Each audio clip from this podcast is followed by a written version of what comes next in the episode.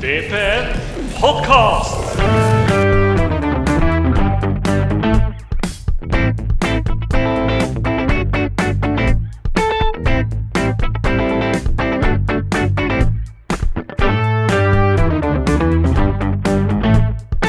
Hei og velkommen til uh, Vålerenga på nett sin uh, VPN podkast. I dag er jeg, Eivind, i, i studio med, i vårt, med vår båndopptaker. Eh, vi har gjesten vår, Ole Kristian Sandvik. God dag. God dag. Hvordan er eh, dagen din? Ja, fin så langt. Fin så langt, ja. Eh, en fin frokost og kom seg hit, og så jobbe etterpå, da. Det høres ut som en bra plan, det, altså. Uh, jeg liker at den er bra uh, hittil, så får vi se hvordan det går videre. Men først, hvem er du? Jeg er en uh, Oslo-gutt, oppvokst uh, på Sankthanshaugen. Uh, Vålerenga-supporter fra ganske tidlig alder av. Jeg tror min første kamp var Vålerenga-Sogndal på Ullevål 2003, høsten 2003. Det Ble Ja. sånn 0-0-1-1 eller Ja, det høres veldig uh, og når du da får billett uh, på kampdag uh, via en sånn Narvesen-sjappe, eh, og eh, plassen din er eh, 227 eh, på da Cola, Ja. eh, da er det vanskelig å ikke bli forelska i klubben. Det er jo en kjærlighet som er til tider litt, litt vond og vanskelig. Ja, Kjærlighet er jo ikke alltid like enkelt. Eh, klubben eh, vi holder med, er jo ikke det er ikke sånn som Rosenborg, som er motgangssupportere med en gang de får uh, andreplass eh, to sesonger på rad. Det er, vi er ikke helt på det nivået, Og, men og, eh, og, og begynner å snakke om dette, at off, disse, disse vanskelige åra. Ja, det, nei, disse trønderne er litt bortskjemte. Men uh, jeg er Vålerenga-supporter, uh, talsperson i Norsk supporterallianse, som er uh, norske fotballsupportere sin eh, interesseorganisasjon. Eh, så der er klanmedlem, bataljonen, Kjerna-medlem, Stabæk-support er medlem, eh, og mange andre klubber, både i Eliteserien Obos, men også litt nedover i systemene. Og så sitter jeg i styret i Vålerenga fotballelite Ja. som da er A-lag, rekrutt og juniorlaget på herresiden. Ja. Vi skal komme mer innom styrearbeidet litt seinere.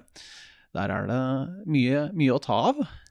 Det er, det er my mye å ta av. Er Nettopp hatt årsmøte, så det gikk litt eh, hett for seg der til tider. Det, det, det kommer vi tilbake til. Eh, Men jeg har lyst til å starte med supporter eh, Sandvik og eh, NSA først. Eh, Du sier at du er talsmann. Eh, Hvordan eh, fungerer den? Er det, er det mye å gjøre, eller er det mer sånn eh, Det går veldig i perioder om det er mye å gjøre eller ikke. Jeg kom inn i styret i NSA for seks år siden, eh, om jeg husker rett. Og da bare kom jeg inn som vanlig medlem. Eh, tok over for eh, Hanne Mari, som har sittet der for eh, klanen i ganske mange år og gjort en ganske god jobb. Da var det Posse som var eh, talsperson. Og så sluttet Posse, og da kom Gjert, som er eh, Brann-supporter, som mange kjenner til, inn. Ble talsperson. Eh, satt ett eller to år. Eh, og så tok jeg over som talsperson da eh, Når var det, da? Eh, mens Qatar-debatten pågikk, så det blir 2021, det kanskje. 2020-2021, jeg husker ikke helt året. Og i starten var det jo enormt mye arbeid, fordi det var jo da det Qatar-utvalget til NFF og alt det innebar. Mye Qatar. Og så til tider er det mye pyro, eksempel. Det er en sånn klassisk sak som eh, media er opptatt av, og vi er opptatt av. Og til tider er det veldig rolig. Så det går litt sånn i bølger. Begynner vel å, begynner vel å ta seg opp litt, da, nå som eh, man starter opp 10. april.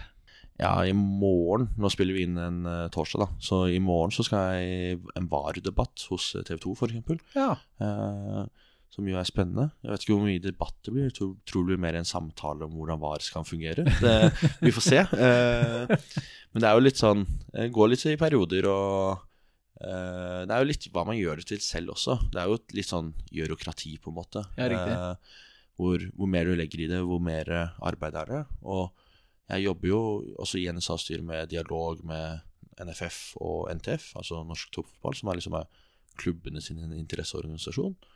Eh, og der går er også sånn går i bølger hvor mye det er å gjøre. For innimellom er jo rolig, og så plutselig skal NTF vedta en eller annen strategi de neste fire-fem åra som innebærer sluttspill og litt sånt. Og da blir jo litt lobbyarbeid opp mot dem, for å se om man greier å bli kvitt sluttspillet, f.eks. Hvordan er samarbeidsklimaet mellom supporterklubbene i denne sånn paraplyorganisasjonen? Er det vi, vi har jo en chat for alle de som er i Eliteserien, og så har vi en chat for de som er i Obos-ligaen. Eh, og det er litt sånn varierende hvor mye samarbeid det er, i hvert i felles, de felles chattene. Eh, veldig ofte er det noen sånn praktiske spørsmål hvordan din klubb håndterer f.eks. utestengelser av for pyrobruk, da, eh, eller sånne andre ting. Men vi har jo en gang i året så har vi et sånn eh, har vi årsmøte og så et supportseminar eh, samme helg. Og der møter jo fire-fem stykk fra de største klubbene, og så møter eh, liksom to personer fra andre klubber og noen som ikke møter. I år var vi vel sånn 80 stykker eller noe sånt cirka, tror jeg. Og der er det ganske god stemning, og det som er, det er egentlig litt sånn uh, irriterende, er at man er litt sånn vant til å tenke at man skal hate de andre supporterne og sånt, men det er jo stort sett bra folk, og man har jo mye mer til felles enn det man uh, har motsetninger. Til tross for at man heier på forskjellige klubber, så er jo liksom Det å være fotballsupporter er jo Det er jo ikke veldig vanlig i det norske samfunnet i seg selv å liksom reise land og strand rundt og følge laget. Eh, da blir det jo mye gode skrønehistorier og eh, diskusjoner om hvordan man løser alt fra busser til og musikk på busser til eh, liksom billettpriser og bortesupporterfasiliteter og hvordan man lager TIFOR. Ikke sant? Det er jo egentlig veldig få klubber eller supportklubber i Norge som er veldig gode på TIFOR. Eh, jeg vil si Vålerenga er veldig gode. Eh, Rosenborg er ganske gode. Brann er ganske gode. Lyn var veldig gode i sin tid. De har jo, Lyn har jo noen av de feteste TIFOene som er lagd i Norge. Eh, og så har du sånn Lillestrøm som burde vært mye bedre på TIFO enn det de er, f.eks. eksempel Og så har du masse mindre klubber som, som er tre-fire personer, som er kjernen i supportgjengen, som trenger da tips til hvordan man lager TIFO, hvor man lager flagg, hvor bestiller man fra, uh, osv. Så man eh, Hvordan tegner man opp før man maler, og sånt, som man da kan diskutere og snakke om. Og sånt, og så diskuterer vi også eh, hvordan man skal mobilisere. ikke sant? Eh, I år så snakket Glimt hvordan de har mobilisert. Eh, og det er jo kanskje ikke så vanskelig å mobilisere når du liksom er tidenes medgangslag. Eh, mens i fjor så hadde vi Brann som snakket om hvordan de har mobilisert i motgang. da. Og jeg tror det er litt sånn interessant å se hva man gjør både når det går bra og hvordan det går dårlig. For én ting er å, at det er veldig mange som begynner å heie på Glimt, men de var ganske mange i London f.eks. Hvordan sprer de informasjon eh, til alle sammen som kanskje ikke er en del av indre kjernen på Aspmyra og sånt. Og det er litt sånn interessant å dele erfaringer om, da. Mm. Eh, Du nevnte så vidt Qatar. Eh, og der var det et, I fjor så var det et arrangement der. Eh, med noen som hadde lyst til å spille fotball. De, hvordan eh, er, er, altså er du fornøyd med det jobben dere gjorde eh, i forkant? Både og. Jeg har tenkt veldig mye på det. Utgangspunktet til NSA var jo at vi var for en boikott av Qatar-VM. Og da at Norge og da NFF da skulle boikotte og ikke stille med landslaget. Eh, og vi tapte jo den saken.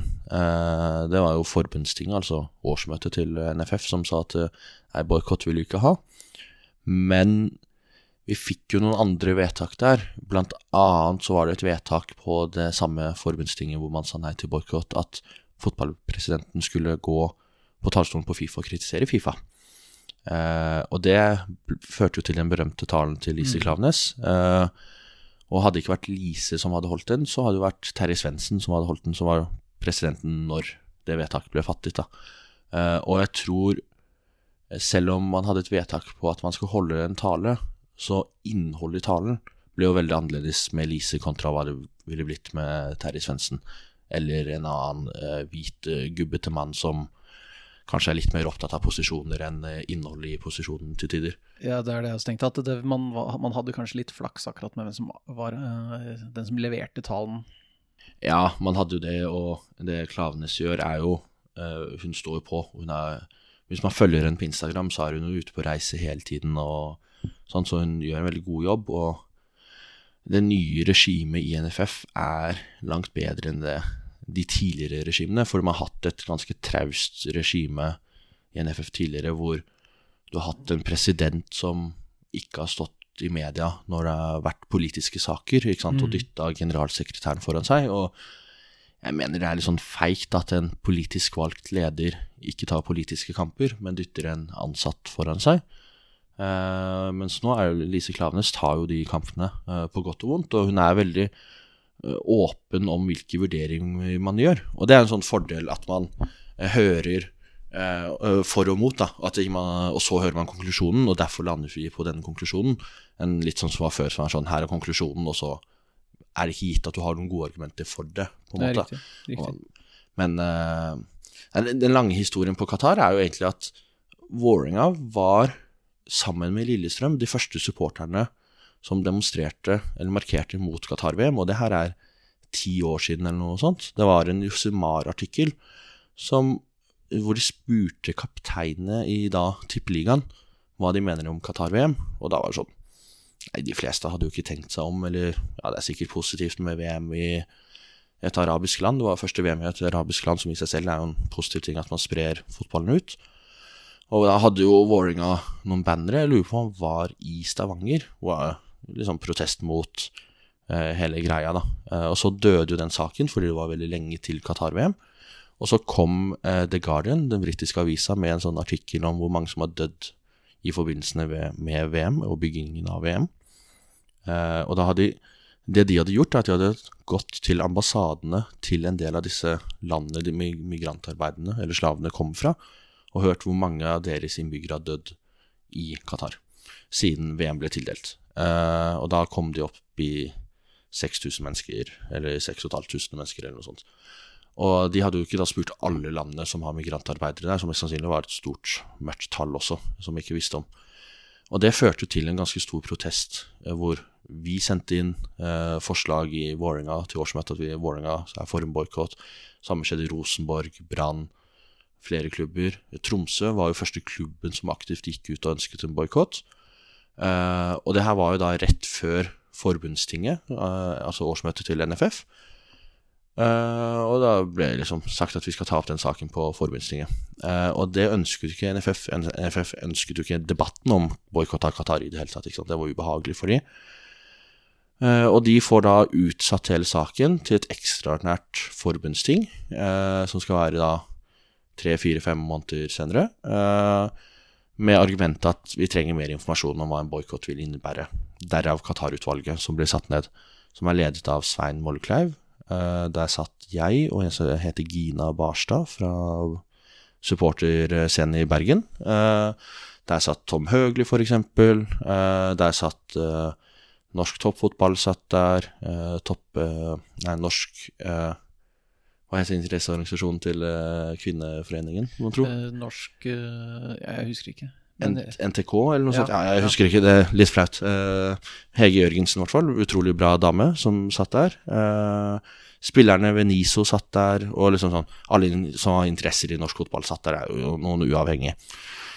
Konklusjonen var jo at eh, to av oss, eh, Gina og jeg, ønsket en boikott. Eh, to personer, Tom Høgli og Kjersti Løkken Stavrum, som er liksom mediepersonlighet.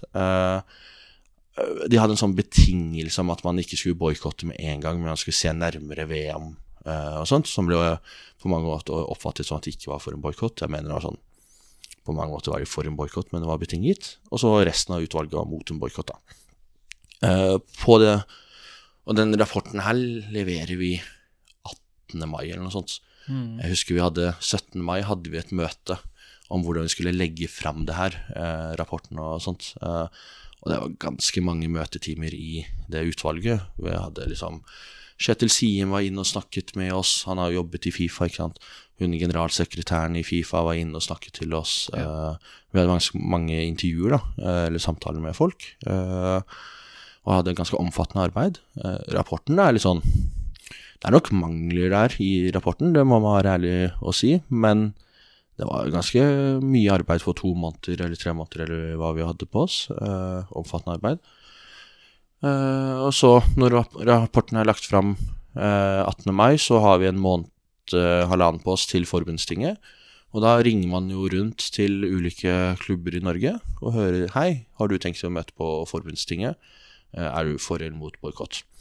Og vi som var for boikott, var jo veldig opptatt av at man ikke skal presse klubbene. Man skulle høre eh, hva de tenker. Og det man legger merke til, er at veldig mange klubber, spesielt nedover i systemet, vet ikke at eh, de har mulighet til å møte på forbundstinget. Eh, og det er jo et sånt problem, et demokratisk problem da, i norsk fotball, at det viktigste øverste organet i Norges Fotballforbund er sant, Det er 10% av klubbene som møter opp, og veldig mange klubber vet ikke at de har muligheten til å møte opp. Eh, og så driver de som er for boikott, og ringer rundt også. Og da er det jo litt sånn ulike historier og sånt, men det sies jo at eh, noen av de klubbene som blir ringt eh, av kretsene og litt sånt, føler seg litt sånn presset av sånn Hvis du stemmer for boikott, så får du ikke muligheten til å få dekket eh, kurs for trenere eller eh, dommere og litt sånt. da. Eh, så var det litt sånn skittent spill der. Eh, og så er det selvsagt veldig vanskelig å bevise det, selv om man hører historier og snakker med de som har fått de telefonene.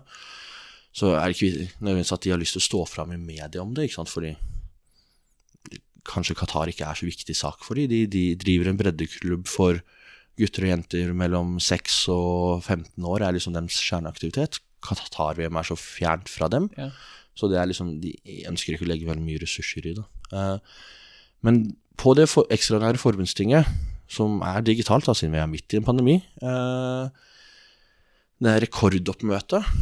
Uh, vi taper dessverre. Men det Qatar-utvalget har jo da lagt fram 25, 26 punkter i tillegg til for mot boikott, som går på hva NFF kan gjøre mot sportsvasking, hva man skal få Fifa til å gjøre mot sportsvasking og sånt. Eh, og de punktene blir jo vedtatt, i tillegg til dette forslaget om denne talen på Fifa-kongressen.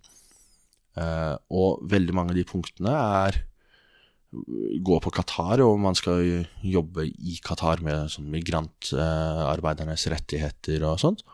Veldig vanskelig å se noen konkrete resultater av, fordi Qatar i seg selv ønsker nok ikke liksom, å gjennomføre disse punktene. Eh, og det som er veldig sånn typisk, er at eh, de gjør noen sånn eh, reformer på papiret, i hvert fall, eh, i forkant av VM, og så tar det litt tid å implementere eh, reformene. Og så er VM over, og så glemmer alle eh, Qatar å se videre til hva er det nå, Canada, USA, Mexico som skal ha neste VM. ikke sant? Og da er sånn, da er Qatar fornøyd, og så tilbake til det gamle systemet. er liksom det man er redd for. da. Og så noen av disse vedtakene på, eh, som gjaldt NFF, har man fått gjennomslag for og liksom har blitt gjennomført. Og det NFF gjør nå, de legger ned ganske mye arbeid i internasjonalt, eh, i Fifa, i Uefa. ikke sant? Lise Klaveness ønsker å stille til Uefa-styret. Ja. Veldig mange år siden sist man hadde hatt en person der. Det var vel Karen Espelund som satt i Uefa-styret, og så sa vel satt han derre Per Ravn Omdal satt vel i Fifa-styret. Ja. Eh, og det er veldig mange år siden. Og det man la merke til under Qatar-prosessen, var at NFF har nedprioritert internasjonalt arbeid eh, veldig mye. Eh, som gjør at man får en dårlig standing hvis man ønsker å få noe gjennomslag internasjonalt. Eh, og så er det veldig mange som mener at fotball internasjonalt har tatt en retning i feil, eh, feil steg, da. Eh, eller ganske mange steg i feil retning. Det går jo på, ikke sant. Hvor mange klubber er det ikke som er eid av diktaturer nå? Saudi-Arabia eier Newcastle, eh, Qatar eier PSG, Emiratene eier City osv. Snakk om at United skal bli kjøpt av Qatar. Så det går liksom i feil retning, da.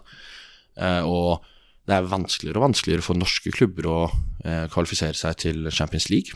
Eh, det er de store klubbene som er i Champions League om igjen og om igjen. og om igjen. Eh, Uefa jobbet jo med en sånn egen eh, Jeg kaller det en eh, superliga der også, fordi de ville jo nesten lukke Champions League og si sånn Nei, det er de store klubbene som skal være med. Du trenger ikke å prestere i egen serie. Det er sånn hvis du har disse merittene, så kan du fortsatt kvalifisere, på en måte. Som gjør at det er de store klubbene som tjener penger, mens sånn norske klubber greier jo ikke å kvalifisere til Champions League. Det er snakk om liksom Conference League eller uh, Europaligaen, da, eh, som er sånn feil steg for Norge. Eh, og NFF har brukt veldig mye tid og penger på eh, internasjonalt arbeid. Og det er jo noen i fotballsystemet som mener at det er feil ressursbruk også. For NFF sin kjerneoppgave er jo å arrangere kamper og turneringer for breddelag, gjerne barn og unge også. Så det er jo sånn Jeg er litt redd for en backlash der. Og det bringer oss jo over litt sånn på det som kanskje er det viktigste i dag, nemlig det lokale Ja. engasjementet. Ja. Eh, For som du sa, så var du ikke bare Du er ikke bare eh, i NSA-styret, du er jo også i Vålerenga fotball elite. Og det egentlig jeg lurer første, første som liksom dukket opp, var da hvorfor i alle dager gidder du å være i styret til Vålerenga fotball elite? Ja, nå ble det veldig mye om Qatar og sånt, eh, og det er kanskje litt fint å gå til lokale. Eh, jeg, jeg har sånn generell tro på at individer kan gjøre en forskjell da, eh, i positiv retning. Og hvor flere individer som står for det samme, hvor større forskjell kan man få gjort. Og veldig mange avgjørelser tas jo på diverse møterom. Eh, annet i ulike styrer, ikke sant. Så jeg mener det er verdt å engasjere seg i eh? Styre i borettslaget hvis du er veldig opptatt av hvordan borettslaget ditt driftes. Eh, styre i eh, en eller annen eh, velforening hvis du er opptatt av hvordan områder der du bor, eller i den lokale fotballklubben. ikke sant? Og så har det vært litt sånn Jeg syns styret i eh, VFE liksom har manglet litt det der supporteraspektet. Og det sitter jo folk der som har vært supportere og vært på stiftelsesmøte i klanen og liksom vært medlem i klanen hele veien. Eh, så det er ikke nødvendigvis mangel på supportere, men er det supporteraspektet inn, da. Eh, og jeg mener man så det litt sånn eh, under VAR, f.eks., hvor klubben plutselig er for VAR, og så er det en veldig dårlig prosess som fører til at man er for VAR, hvor man glemte å spørre supporterne, og, eller egentlig medlemmene sine, hva medlemmene mener om eh, VAR. Eh, så det trigga meg litt til å stille, eh, fordi veldig mange avgjørelser blir tatt i styret, og selv om kanskje ikke alle avgjørelser blir tatt her, for mange avgjørelser blir tatt av administrasjonen, så kan styret sende signaler til administrasjonen om hva man mener. Eh, Så jeg mener det er viktig at man engasjerer seg da, også. At man ikke bare sier at man er for eller mot noe, men man jobber for det. Da. Da Ja. I Vålerenga så er det enten årsmøte eh, eller styret det hovedsakelig er liksom der man får gjennomslag. Da. Og da valgte du styret. Ja. Jeg ble pushet av eh, en del folk også, da. Eh, det, det skal sies. eh, men jeg syns det er givende arbeid å sitte i styret. Eh, og så skal det sies at styret sitter ikke og bestemmer hvilke spillere vi skal hente, f.eks. Eh, det har vi ansatt en eh, trener eh, og en sportssjef eh, og en daglig leder til å være ansvarlig for å hente spillere og signere spillere, og hvem man selger, og hvordan man bruker spillerne. Eh, men det er mye økonomi. Økonomi er sikkert halve styremøtet vi har. Eh, snakker vi om økonomien? Eh, økonomien er så som så, på mange måter. Det var en stor sak på årsmøtet som jeg mistenker at vi skal snakke om også. Og så er det andre saker om hva klubben er. Det å Jeg er veldig for at norske klubber skal være medlemsstyrt, ikke sant. Uh, Vålerenga fotball elite er jo Selv om Vålerenga er en veldig gammel klubb, så er elite ganske ung. Det er stiftet i 2017 eller 16 eller noe sånt. 16 eller 15. Det, Ja. det ble slått sammen. Det kom ny, ny i ja, 2014-2015, tror jeg. Ny modell da. Ja, for man, man skilte ut elitesatsingen fra bredden, for man er redd for liksom at Det er jo alltid elite som har slitt med økonomien, og hvis den går konkurs, så er man redd for at man tar med seg alle barnelagene og, og sånt. da. Eh, så man lagde en ny forening, og da er det jo viktig at man er medlemmer der. Eh, nå er vi rett i underkant av 1000 medlemmer. Har doblet seg på to år, cirka. Kan det være et eh, signal om at eh, folk kanskje ikke syns at det er like mye god drifting av klubben som det man kanskje håper, eller er det bare en sånn generelt signal om at flere er engasjert? Jeg tror det kan være begge deler. Eh, jeg tror det man så med hele Qatar-debatten, var at det hjalp å engasjere seg. Kanskje man ikke fikk gjennomslag akkurat der og da, men man dyttet hele debatten i riktig retning, og man har snudd NFF eh, fra å være ganske sånn konservativ, gubbete eh, pampete organisasjon til å bli veldig Kanskje den mest progressive eh, organisasjonen i hele Fifa. Ja. Eh, at man ser at det kan man kanskje gjøre med egne klubber også. Ja. Brann, Rosenborg, Lillestrøm er jo store medlemsklubber fra før av. Eh, Vålerenga har liksom Vi har jo hatt investorer på ulike måter i 20-30 år eller noe sånt. Eller man har liksom vært vant til at de styrer showet på mange måter. Men nå, tror jeg mange har sett at å ja, vi kan melde oss inn. Eh, det koster noen hundrelapper, men eh, det får du rabatt på sesongkort uansett. Så hvis du har sesongkort, så går du null. Og så kan man engasjere seg og liksom stemme for eller mot Qatar, for eller mot sluttspill. Eh, møte opp på årsmøtet, snakke om eh, økonomien f.eks., eller hvordan klubben driftes. Eh, og det er jo en verdi i seg selv at supporterne også blir medlemmer. Ja. For det er jo en eh, forskjell mellom bare det å stille på kamp og det å engasjere seg i organisasjonen. Ja. Og det ligger mye makt i det å være medlem, i hvert fall hvis man begynner å bli mange. Og flere medlemmer er også en motmakt til investorer eh, og AS, da, som man har en samarbeidsavtale med. Så da er det rett og slett en oppfordring til å bli medlem.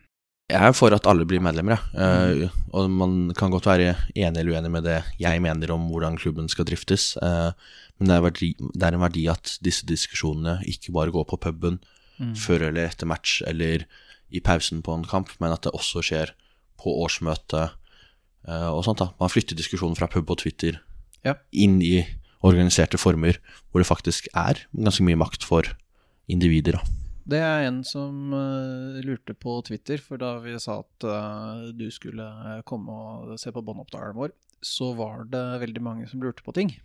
Og en av de som lurte på noe, lurte på om hvordan det er å fronte en gjeng med opposisjonelle supportere, som for andre fremstår bakstreverske, sutrete og har mer fokus på enkeltsaken enn helheten for klubben, samtidig som du skal være et profesjonelt styremedlem i et styre som skal være fremoverlent, framtidsrettet og tenke klubbens beste sett i et helhetlig perspektiv. Er det et dilemma? Det var et veldig langt spørsmål. Eh, Men eh, jeg er jo liksom sånn eh, På mange måter er det et godt spørsmål, og så er jeg ikke helt enig i noen av premissene der. Jeg er ikke f.eks. enig i at eh, supporterne er eh, opp opposisjonelle eh, hele veien, eh, som er liksom bakstreverske. Jeg tror veldig mange supportere sant, Man ønsker det beste for klubben. Eh, og så er det et stort engasjement eh, fordi man er veldig glad i den klubben man holder med. Eh, og det er Vålerenga i dette tilfellet. Eh, men han har jo, eller hen, da, jeg vet ikke hvem som har sendt inn spørsmålet, eh, har jo helt rett i at man liksom man skal være profesjonelt eh, styremedlem som både skal ta vare på helheten, men man skal også ta vare på eh, Jeg er veldig opptatt av å ta vare på supporterne og medlemmenes interesser. Eh, og innimellom så kan det stride mot hverandre. Vi hadde en diskusjon på årsmøtet om VAR, om klubben skal være for eller mot VAR. Eh, Vålerenga har tidligere vært for VAR. Og det er jo hovedsakelig sport som har ønsket at vi er for VAR. På årsmøtet var det en gjeng som hadde sendt inn et forslag at man skulle være mot VAR, og man skulle bl.a. jobbe mot kommersialiseringen av VAR. Eh, og da så årsmøtet at nei, vi er uenige med det klubben har ment tidligere, og uenige med sport, eh, og at vi er mot VAR. Og det er jo årsmøtet som er øverste organet i klubben, så det er jo de som bestemmer til slutt, uavhengig av hva sport eller administrasjon skal mene. Eh, men det er jo interessekonflikter innimellom man må veie for og mot. da. Og livet er jo ikke alltid enkelt, og det er jo kanskje det som er litt sånn spennende ved det arbeidet også, at man prøver å liksom komme fram til innimellom gode kompromisser, eh, som noen kan være misfornøyd med, noen kan være fornøyd med, og så håper man jo at alle avgjørelser man tar, eh, dytter klubben i riktig retning. Noen Mm. ganger små steg, noen ganger veldig store steg. Mm. Eh, og så er det mange meninger om det, da. Eh, og jeg er veldig opptatt av at jeg representerer ikke bare supporterne eller østblokka i det styret. Jeg er valgt av et årsmøte hvor veldig mange av medlemmene er supportere.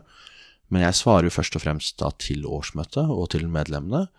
Og så innimellom så tar man avgjørelser som kanskje man vet er upopulære på østblokka, men man mener at det er riktig for klubben enten på kort eller lang sikt. da. Ja, for sammensetningen i styret er jo Det består jo av en bukett ymse personer. Noen med, altså, sånn som deg, da, som er uh, ung og lovende og student og, og whatnot. Uh, og så har man andre som har en, en god del år på baken, og kanskje har en litt mer, litt mer sånne økonomiske bakgrunn enn det andre har. Hvordan er den uh, Hvordan fungerer de debattene i Jeg kan si hvem som sitter i styret, da. Ja. Eh, det er jo styreleder som er Tuva Ørbekk Sørheim. Eh, hun er eh, forlegger i Kagge forlag, så hun er sjef av et forlag. Du har nestleder er Zainab al-Samarai. Uh, hun uh, er for mange kjent som Ap-politiker. Eh, eh, hun kan se ut, ut fra hvert fall det som skrives i media, at hun blir ny idrettspresident i Norge. Som er spennende. Hun sitter i idrettsstyret. Hun er utdanna advokat. Var vel Hun spilte vel på Kolbotn sitt A-lag for noen år siden, hvis jeg ikke tar helt feil. Ja, Eh, lurer på om hun spilte da sammen med tidligere nevnte Hege Jørgensen eh, ja. i Norsk toppfotball kvinner. Eh, ja, norsk toppfotball kvinner heter vel en Ja, fre- det stemmer. Det er det. det organisasjon.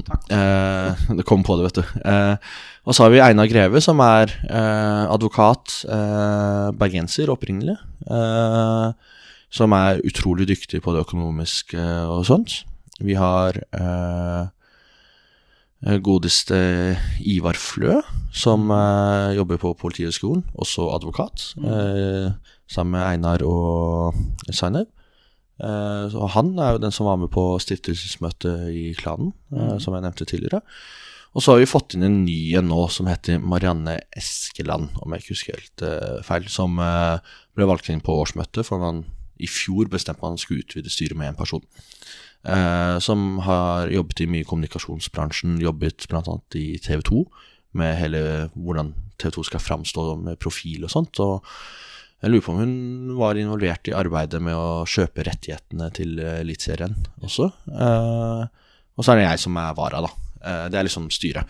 Så det er my mye advokater. Eh, og det, det, er, det er nok lurt at det, eh, det er mye advokater der, fordi eh, det er mye juss eh, fram og tilbake. Vi har en samarbeidsavtale med et AS. Eh, som er mye juss, og det er komplisert juss, og det er en- del vedlegg eh, til den samarbeidsavtalen som gjør det litt sånn komplisert. Og så tror jeg det er viktig at man har ulike perspektiver. Man trenger ikke bare jurister, du kan ikke bare ha supportere heller. Eh, du må ha en blanding av alt mulig rart. Du, jeg mener man trenger en med litt sånn sportslig kompetanse, og når jeg mener sportslig kompetanse i et styre, så handler ikke det om spillererfaring og eh, hvordan eh, man skal spille på banen eller taktikk, for det, jo, det har vi ansatt en trener for å ta seg av, men mer sånn det langsiktige strategier, eh, kjennskap til ulike trenere, sportsdirektører, for det er jo vi som eh, ansetter og sparker trener og sportslig leder. Og da er det fint med en som liksom har litt peiling på eh, ulike navn og ulike stiler på trenerne og litt sånn bakgrunnskunnskap, da. Eh, Fordi det var jo snakk om en av de tinga det var ganske mye temperatur om i, på årsmøtet. Det var jo om man skulle bytte ut eh, styreleder. det stemmer. Med, med da tidligere uh, Vålerenga-spiller Jørgen Jalland. Hvordan, eh, hvordan opplevde du den eh, prosessen? Jeg er jo sånn opptatt av uh, når det er valg av personer Uh, Jeg skulle jo samarbeidet med begge, eller uavhengig av hvem som vant. Så jeg er veldig sånn opptatt av at jeg ikke tar liksom side uh, på person. Men det, det som skjedde, var jo at valgkomiteen mente at eh, eh, det var på tide å bytte ut uh, Tuva som styreleder, og foreslo Jørgen Jærland. Og så i loven uh, til VFE, det som veldig mange andre organisasjoner kaller vedtekter, det setter jo liksom rammene for hvem som kan bli valgt. Og der står det annet at du må være medlem i én måned før årsmøtet for å være valgbar. Og det var ikke. Eh, så da på årsmøtet ble det jo en diskusjon om man skulle utsette valget av styreleder til et ekstraordinært årsmøte når eh, Jalland da hadde vært medlem i en måned. Eh, så det ble det veldig mye debatt om. Veldig mye debatt om prosess og rekkefølge på avstemninger og sånt, da. eh, som det, er lov å si at det ble veldig rotete.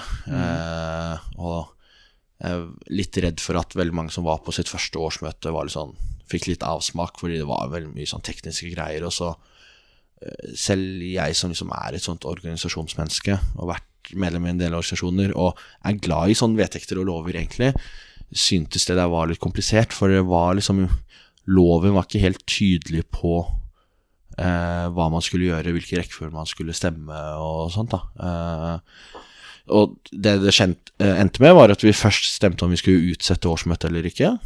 Og det var, var jo helt på slutten av årsmøtet. Eh, flertallet ønsket ikke at vi skulle ha et ekstraordinært årsmøte. Eh, og det som da skjer, er jo da at da er ikke Jalland mulig å velge på årsmøtet. Og da står man igjen med én kandidat, som ble Tuva. Ja. Som da ble klappet igjennom da, eller valgt ved akklamasjon, siden det ikke var noen motkandidater. Men det, altså, Utenfra så ser det unektelig litt tåpelig ut at uh, en valgkomité ikke klarer å sørge for at den personen de innstiller, er eh, faktisk valgbar. Jeg har aldri vært borti en deling tidligere, og hun eh, Marianne, eh, som er nyvalgt eh, i styret, eh, hun var også sånn som måtte melde seg inn i klubben innen en måned før Ja. årsmøtet, og hun gjorde det. Og nøyaktig hva som skjedde der, om det var liksom en dårlig kommunikasjon mellom valgkomiteen og Jalland, eller eh, om han bare glemte det, eller noe sånt, det vet jeg ikke. Eh, men det så litt sånn utenfra. Det var en del media der for første gang på årsmøtet. Tidligere har det liksom vært Dagsavisen som hadde møtt opp. Eh, nå var det liksom NRK, TV 2, Nettavisen var der osv. For de lukte, media er veldig flinke til å lukte blod eh, og overskrifter.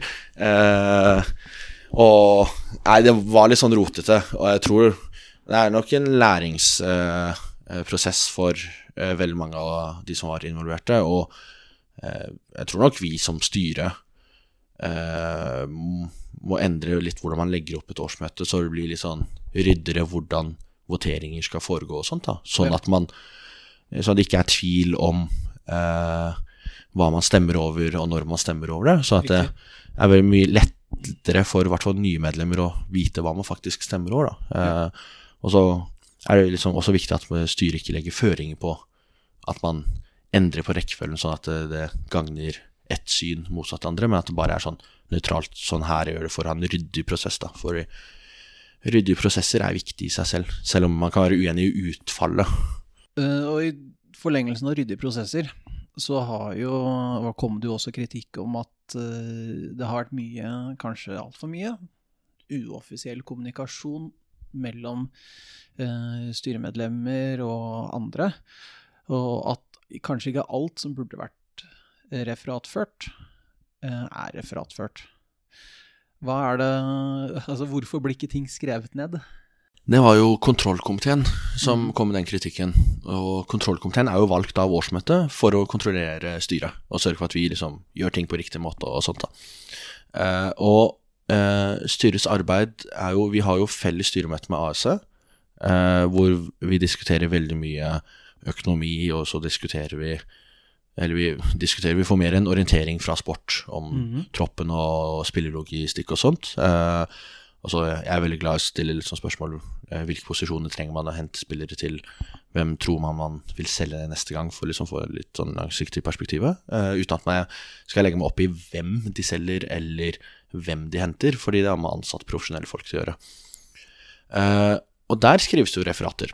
Eh, og så fikk vi eh, kritikk for at de møtene bare eh, styret i Vålerenga fotball elite holder. At vi ikke har vært flinke nok til å skrive referater der. Og der har det liksom Jeg kom inn for et år siden, da, men man har kalt det arbeidsmøter i større grad enn styremøter Er eh, som er sånn en teknisk ting. Eh, og så har man egentlig ikke tatt så veldig mange avgjørelser der. Det har på mange måter vært mer sånn diskusjon hvordan man skal løse en prosess, eller eh, litt sånn løpende. Og vi, diskuterer også veldig mye på mail, eh, og det er jo skriftlig, ikke sant. Eh, og vi må bare ta oss til oss at eh, vi ikke har vært flinke nok til å liksom formalisere disse egne styremøtene. Eh, nå har jeg skrevet referat selv de tre-fire siste møtene, eller noe sånt. Eh, så vi har tatt oss til den kritikken. Vi hadde et møte med valgkomiteen en stund før årsmøtet hvor vi fikk den kritikken. ikke sant? Og det er sånn, Da endrer vi på det. Og så, Det er jo et sånt steg i å profesjonalisere organisasjonen. da.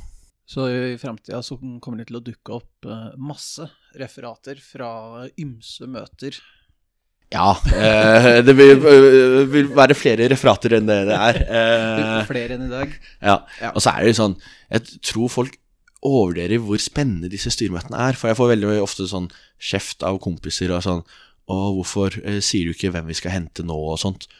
Veldig ofte så får jeg en mail rett før det blir offisielt at Hei, vi har signert eh, Heggheim, som var siste, ikke sant. Eh, han eh, Vi får ofte sånn Hei, vi er enige med Heggheim eh, om en kontrakt og Brøndby om et lån. Eh, han skal på medisinsk sjekk eh, i morgen kveld, eksempel. Da. Eh, ikke sant? Eh, og innimellom så får man beskjed litt etter av medisinsk sjekk og sånt. da. Eh, men styreleder er jo veldig involvert i disse prosessene hele tiden. Eh, hun sitter i hva kaller man de møtene? spillelogistikkmøter mm. eller noe sånt. For jeg er liksom styreleder i ASE, som har ansvar for økonomien, og styreleder i VFE. Og så er det eh, Jokke, som er sportslig leder, Dag Eilev, som er trener, og Espeseth, som er eh, daglig leder, som sitter der, liksom, da. Uh, og de er nok, eh, de styrelederne er nok mye mer involvert enn det jeg er, f.eks.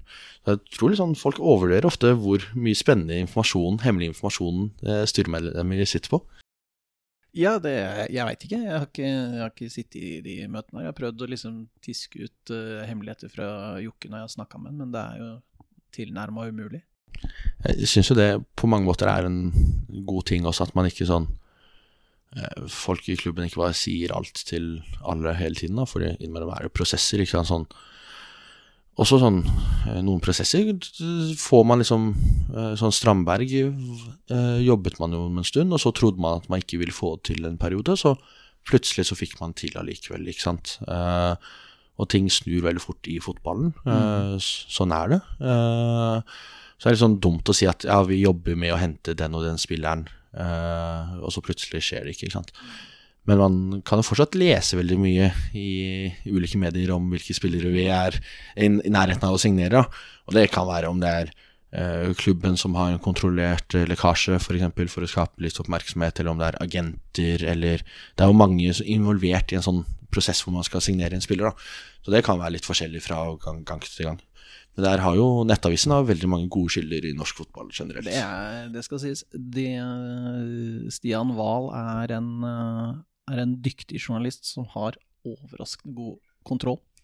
Han har det. Eh, Det jeg tenkte på, som vi skulle gå videre til, er en, er litt sånn derre en litt Uh, litt videreføring av det vi har uh, snakka om. Uh, og det er spørsmålet om det var, Dette her dukka jo også opp på årsmøtet, om høyreekstreme på tribunene. Og da var jo eh, Da var det ganske mange åpne de, hvor folk følte at ting ikke ble helt besvart. Og da er det jo den, Det mest åpenbare spørsmålet er hvordan skal styret jobbe med det, den utfordringa framover? Eh, Bakgrunnen her, vi kan jo starte med det, da, er jo den artikkelen som kom i Filter nyheter tidlig vår 2021, om jeg husker rett. Nå må ikke noen arrestere meg på tidspunktet. eh, Hvor Filter nyheter hadde en ganske lang sak, egentlig, om at eh, det er folk på vår, eller våre tribuner, eh, som har stått og heilet og gått i naziparade og sånt, ikke sant. Eh, Heldigvis er det veldig få, da. Og Vålerenga har jo hatt et sånn en utfordring eller et problem med nazister på tribunen tidligere. Og så har man eh, ikke hatt det på veldig mange år, og så har det kommet litt tilbake. Eh, og så Jeg syns det er litt sånn viktig at man ikke eh, overdramatiserer hvor mange det er. Eh, for eh, det er en sånn Instagram-konto som heter Rasisme i Norge, som er drevet av Jamal Sheikh. Og når denne filternyheter-artikkelen kom ut, så han er jo sånn som legger ut sånn og påpeker rasisme overalt i samfunnet. Veldig bra intensjon, ikke sant. Men der, han greide jo å dra med seg eh, veldig mange La ut bilder av veldig vanlige Vålerenga-supportere. Eh, som gikk i en sånn corteo opp til grunnsteinnedleggelsen av stadion, f.eks. og liksom sa at eh, Vålerenga har stortura nazismeproblem, og så er det sånn egentlig snakk om hånd, håndfull mennesker, tre-fire mennesker, ikke sant. Eh, og så ble veldig mange andre dratt med, da. Eh, så er det viktig at man ikke overdramatiserer hvor mange det er. Men eh, man har jo et problem at man ikke blir kvitt disse folkene, ikke sant. Og så er det da en del personer i klanstyret, eh, eller som har vært i klanstyret tidligere, liksom sånn gamle gutta der, som er utrolig opptatt av at Vålerenga er liksom for mangfold, for inkludering, og da mot rasisme, mot nazisme. Og klanen har en utrolig stolt historie her. Vålerenga har fått en utrolig stolt historie med Vålerenga mot rasisme. Eh, som eh, Uten at jeg liksom skal legge ord i munnen deres, men jeg oppfatter at de er veldig redd for at man liksom skal skusle bort det. Ja. Eh, nå, da. Eh, og dette er en sak som har pågått lenge Jeg tror pågikk en måned Nei, et år, unnskyld. Eh, diskusjoner mellom da klubben og eh, klanen før jeg kom inn i styret. Så har det liksom vært en prosess jeg ikke kjenner alle detaljene til, så jeg er litt sånn redd for å si noe feil. Eh, men det som skjedde på årsmøtet, da, er jo at eh, styret fikk kritikk da fra mange av disse gamle gutta i klanen, bl.a. Erling Røstvåg, som har vært talsperson i Mange år. 10-15 år eller noe sånt og sitter i klanstyret enda lenger. Jeg lurer på om han er den personen som har sittet i klanstyret lengst av alle i klans historie. Det kan godt tenkes. Ja. Eh, hvor de da framførte kritikk av styret, at vi ikke har gjort nok for å bli kvitt disse personene. Eh, og så er det en uenighet litt hva man kan gjøre, og hvordan man kan gjøre det og sånt. da. Eh, Vålerenga har eh, jeg tror det er landets strengeste sanksjonsreglement på disse punktene. Eh, Man kan f.eks. bli utestengt fra våre tribuner for en medlem i en eh, ytterliggående rasistisk organisasjon. Mhm. F.eks. nordisk motstandsbevegelse. Men det som da er Og det punktet kom inn, om jeg husker rett, i forbindelse med den Filternyheter-artikkelen rundt de tidene der. Eh, og det som da jeg opplever er litt sånn utfordringen, er at eh, selv om man står og heiler på et bilde, så betyr jo ikke det at man er medlem i en sånn organisasjon. Og hvordan skal man bevise sånt medlemskap? Ikke sant? Det, I hvert fall for min del så er det litt sånn vanskelig å gjøre, da. Og så er, går kritikken litt på at vi i styret, eh, eller de som er kritiske til oss, da, eh, mener at vi har dyttet for mye ansvar over på administrasjonen, på en måte. Eh, og det er liksom styrets holdning, da, eh, sånn jeg opplever det. At liksom det er administrasjonen som jobber med utestengelser for pyroteknikk og sånt. Eh, så det er en litt sånn uenighet der, blant annet. Eh, det vi i styret har gjort, er jo Hva var det den uenigheten går på? litt hvilke tiltak man skal gjøre, og hvordan man skal få utestengt disse folkene. Eh, jeg er jo litt sånn eh, Det sanksjonsreglementet er lagd i samarbeid av klubben, klanen, altså klanstyret, og Ikaros. Og jeg kom da også fra Ikaros, og jeg satt i ledergruppa Ikaros eh, før jeg ble valgt inn i styret. Så jeg var med på å utforme eh, det nye sanksjonsreglementet, for det pleier man å revidere mellom sesongene hvert år. Og da husker jeg var kritisk, eller kritisk skeptisk til liksom det der at man skal utestenge folk eh, for ting man gjør utenfor kampdag og sånt også. eh, på sånn generelt grunnlag, ikke sant. Eh, og så tror jeg Jeg er jo for at man sånn i disse ytterliggående organisasjonene at man kan gjøre det allikevel. Eh, at det er litt sånn, sånn unntak der. Men jeg er redd for at man pushet den grensa litt for langt, da. Eh, sånn type sånn hvis du slåss på byen, eh, og du tilfeldigvis er Warner-supporter, så er ikke det grunnlaget i seg selv for å bli utestengt fra kamp, at man liksom pushet den grensa. Uh, så det er litt sånn prinsipiell holdning der. Eh, og så har vi i styret opprettet et doms- og sanksjonsutvalg, eh, som da, for å gjøre at man får litt avstand mellom de som på en måte etterforsker eh, lovbruddene, som er administrasjonen, eh, til de som dømmer. Fordi til i dag så har vært de samme folka som etterforsker, prøver å finne ut hvem som har blusset f.eks. på kamp ulovlig, eh, er de samme som utestenger. Eh, så det er sånn tiltak, tiltak vi har gjort. Altså, er jo da liksom, klanstyret ikke helt fornøyd med de tiltakene vi har gjort, da. Um, For å liksom eh, gripe litt tak i det du sa om at man eh, skal være litt, bekym altså litt, litt forsiktig med hva man gjør utafor banen, og hvordan det skal påvirke det du kan gjøre, om du kan komme og se Vålerenga-kamp, da. Eh, ville det ikke Altså, er det ikke sånn vi, vi, Det er jo ikke forenlig å være medlem av eh, klubb eller klan eller drive med noe på, med vår, på våre tribuner når du er en del av en ytterliggående organisasjon. Enig. Eh, Jeg tenker at ville ikke det, hvis, hvis man da får bilder av folk som står og hailer, ville ikke det være en sånn fin, fin ting å se sånn, altså, Da tar vi en prat med, med den fyren eller den dama. Jo, eh, det er jo egentlig det. Og så skal man ikke dra liksom det prinsippet at man er utenfor kampdag for langt heller, da. Og bare bli sånn der eh, rir prinsipper. Man skal være litt pragmatisk. Og jeg tror liksom det er ingen som er uenig i at man skal ikke ha nazister på tribunen. Og det er snakk om tre personer, om jeg ikke tar helt feil, i den Mhm. Filty Nyheter-artikkelen. ikke sant? Uh, hvor det er en som er sånn veldig kjent for å være eh, nynazist og har vært det i veldig, veldig mange år. Uh, så nå skal vi uh, skal nok, Styret skal nok gå i dialog eh, med klanen på nytt og se litt hva man kan gjøre. Klanen Mhm. skal jo eh, ble jo vedtatt på årsmøtet at man årsmøtet ber eh, styret tillate at klanen får en observatørpost i styret også.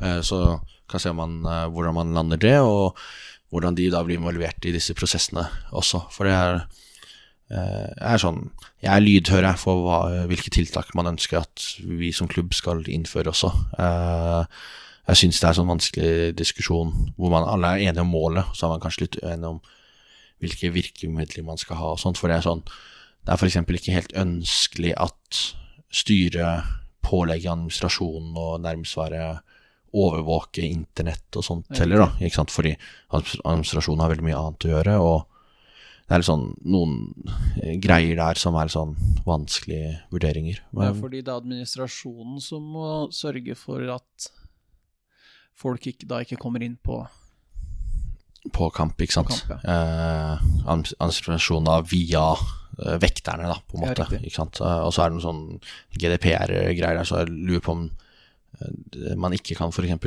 gå ut med et bilde til alle vekterne, ikke slippe den personen, om jeg ikke tar helt feil. Det kan hende jeg tar litt feil der òg. Så er det sånn, innimellom er det litt vanskelig å eh, nekte folk inngang òg, for det er jo Stadion er ganske stor, det er mange måter å lure seg inn på, på en eller annen måte òg, da, ikke sant. Mm. Eh, så det er jo litt sånn vanskelig, det òg. Men eh, jeg syns hele der uh, rasisme-nazisme-diskusjonen er litt sånn man er, Jeg oppfatter alle er enige om målet, og så er man litt sånn uenig om hvilke tiltak man kan innføre, eh, og hvor virkningsfulle disse tiltakene vil være, da.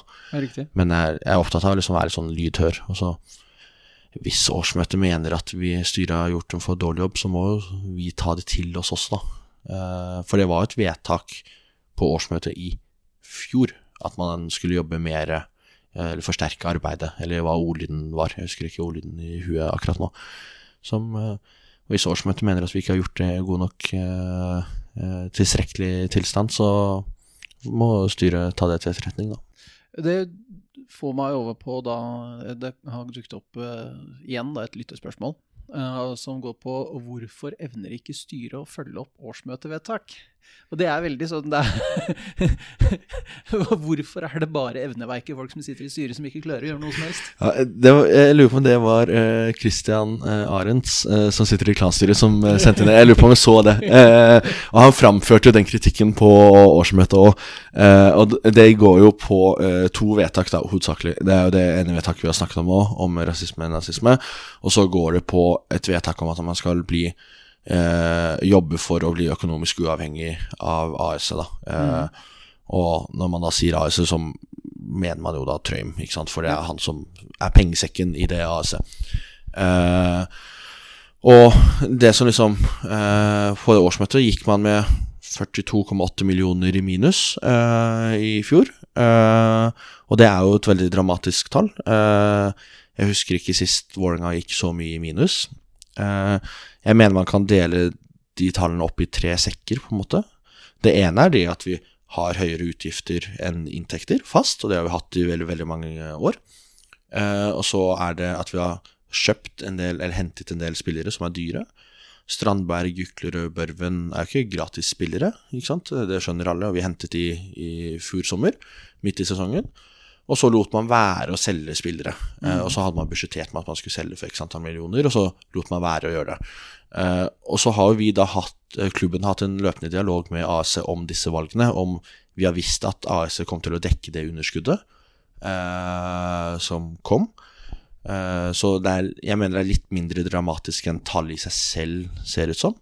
Eh, og så vil jeg også tørre å påstå at man, eh, når man skal jobbe for å bli mindre avhengig av AS, eller eksterne midler, så må man ikke se det i et ettårsperspektiv, man må se et langt perspektiv.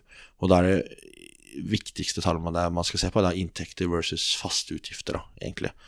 Eh, og så jo, ikke sant? Vi, klubben gjorde noen vurderinger underveis at vi heller ville forsterke spillerstallen eh, enn å svekke den, ved å f.eks. selge Osamu, som var kanskje vår beste spiller eh, en periode der i fjor. Eh, fram til han ble kvesta opp i Kristiansund. Eh, irriterer meg fortsatt at altså, norske dommere ikke greier å beskytte tekniske spillere. Eh, det er sånn Når du kvester liksom, kanskje en av seriens eh, heiteste salgsobjekt eh, fordi han er jævlig god og kan drible et helt lag på ræva. Uh, og så blir han uh, takla ganske hardt og stygt, og det var vel bakfra, om jeg ikke husker feil. Ja. Og så er det sånn, blir ikke gult kort engang. Da er det litt sånn derre Viktigste jobben til dommere er jo å sørge for at kampen går trygt for seg. Og når du ikke beskytter spillere, så uh, gir jeg litt opp, da, for det skjer litt for ofte. men ja, ikke sant. man da valgte å ikke selge f.eks. Losame, da, som man, man hadde et bud på. Uh, så det er liksom de tallene. Og det da spørsmålet retter oss til, er jo det at man da fortsatt er avhengig av Trym. Vi har en samarbeidsavtale med AS som går ut 31.12.2028. Mm -hmm. eh, per dags dato eh, så innebærer det at 1.1.2029 så må Vålerenga betale alle regninger selv.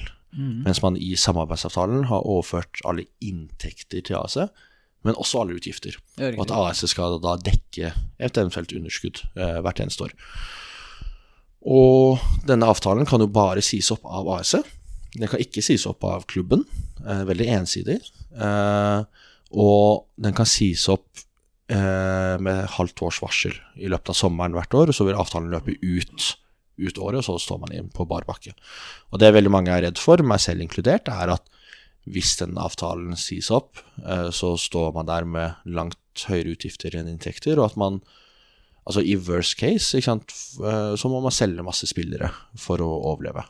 Og så er det ingenting som tyder på at eh, AS ønsker å si opp den avtalen med det første.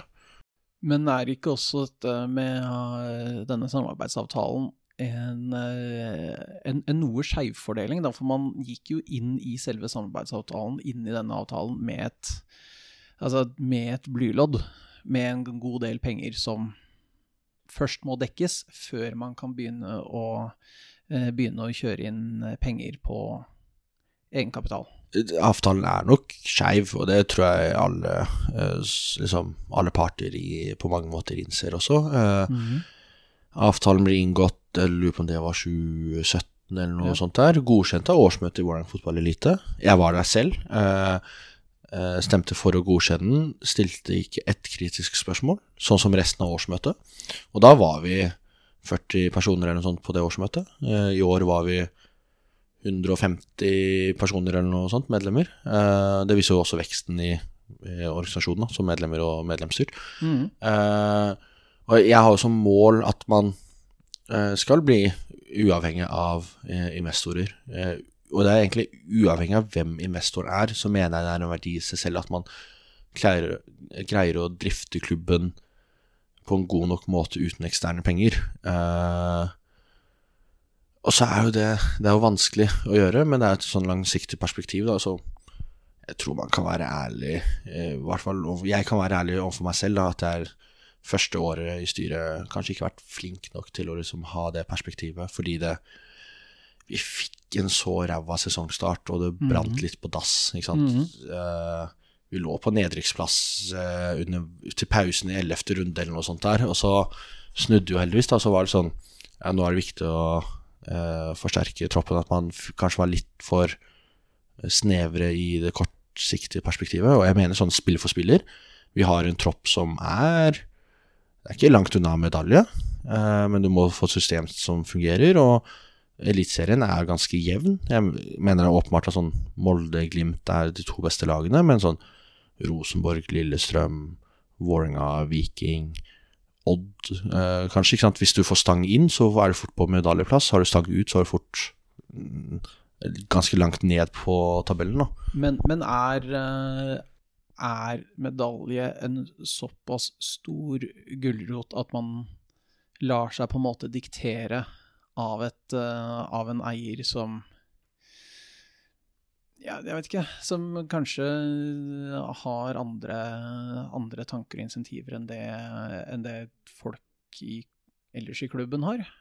Jeg, jeg tror man liksom eh, eh, For første eh, Jeg tror alle som er glad i klubben, ønsker jo det samme. Jeg, og jeg betviler jo ikke eh, Tor Olav eh, Traum eh, sine intensjoner i klubben. og så skal man ikke drifte klubben over alle evner. Det sa jeg da jeg ble valgt på årsmøtet, at man skal få kontroll på økonomien, og det er noe jeg skal jobbe for. Og at uh, man har jo tatt mange steg i riktig retning på økonomien. Man gikk i pluss to år på rad, uh, i 2020 og 2021, de første to sesongene til Dag Eilev.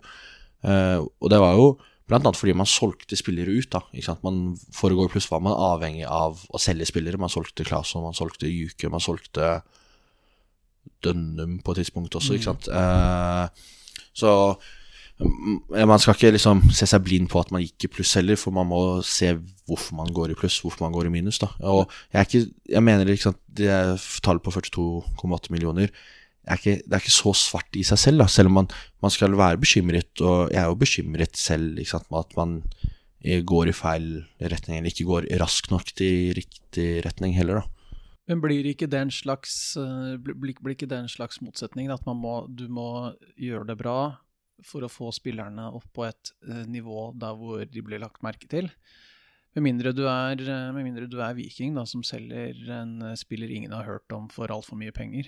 Uh, altså at man da, når man da også selger spillere for at man skulle, skal kunne unngå å gå på, gå på en smell, så at, at, Hvis du følger, følger meg litt, at ja. du, du, du, får ikke den det, det, blir ikke en sammenheng, fordi du hele tida må kvitte deg med spillere for å sørge for å gå i pluss. Og når du da også hører det at de penga som du går i pluss med, de går på en måte inn i et AS for å dekke et underskudd istedenfor å gå inn i klubben. Ja, jeg skjønner spørsmålet godt, og jeg skjønner bekymringene, og jeg er egentlig veldig enig i bekymringene. Målet må jo være å få de faste utgiftene lavere enn inntektene, og så mm. få inntektene såpass høyt at man også kan begynne å investere i spillere uten å være avhengig av eksterne midler, eller uten at man må selge en spiller først. Dessverre så er det sånn i norsk fotball veldig få klubber som kan hente spillere uten å selge. Det er nesten bare Molde og Glimt som greier det nå. Selv Rosenborg som solgte han Tengsted for 100 millioner, eller hva det var. Eh, Rekdal sier også sånn Nei, de har ikke penger til å hente så veldig mange dyre spillere, fordi de driver også eh, litt sånn på kanten, på en mm. måte, og er avhengig av å selge spillere.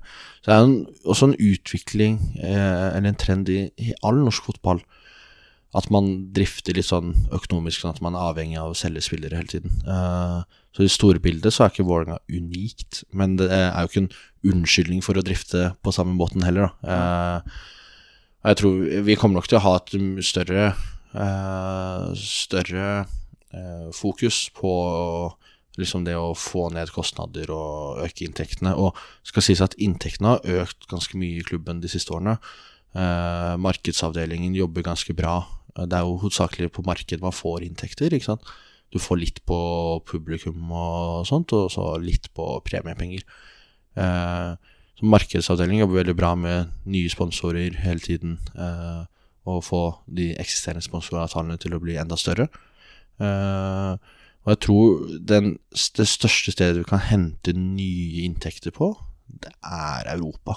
Ja. Og der ligger det enorme summer. Du ser på Glimt. Eh, hvor store summer de henter. Nå har de hatt en eventyrlig suksess i Europa i tillegg, da. Men det å kvalifisere seg til et europasluttspill gjør at du får veldig mye penger. Og det er jo sånn Jeg har tidligere vært veldig skeptisk, jeg. Eh, eller jeg har vært eh, ønsket at norske klubber ikke greier å kvalifisere seg til Europa, for jeg er redd for at de pengene de får der, gjør at det blir vanskeligere for Vålerenga å komme til Europa, fordi sant, når Glimt henter tilbake Patrick Berg og noen av disse spillerne de solgte for store summer, så er jo det Det er jo en liga vi ikke kan konkurrere med de på pengesummer, da.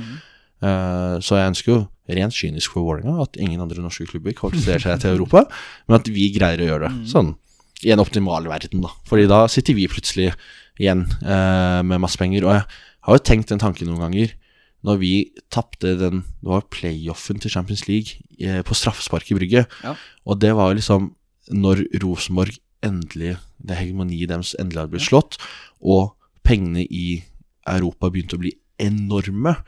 Hadde vi bare kvalifisert oss til det sluttspillet, kan jeg garantere deg at de penga, de hadde vi klart å skusle vekk på en eller annen øh, Enten to-tre litt sånn overbetalte øh, dorske, dorske spillere som øh, hadde gjort det bra i én sesong, og så hadde de blitt skikkelig dårlige, og så hadde vi kommet på andreplass og blitt Nei. Det er sånn god Vålerenga-ånd, det. Jeg har også tenkt tanken at man hadde kasta bort de 100 millionene man hadde fått eh, ved den kvaliken der.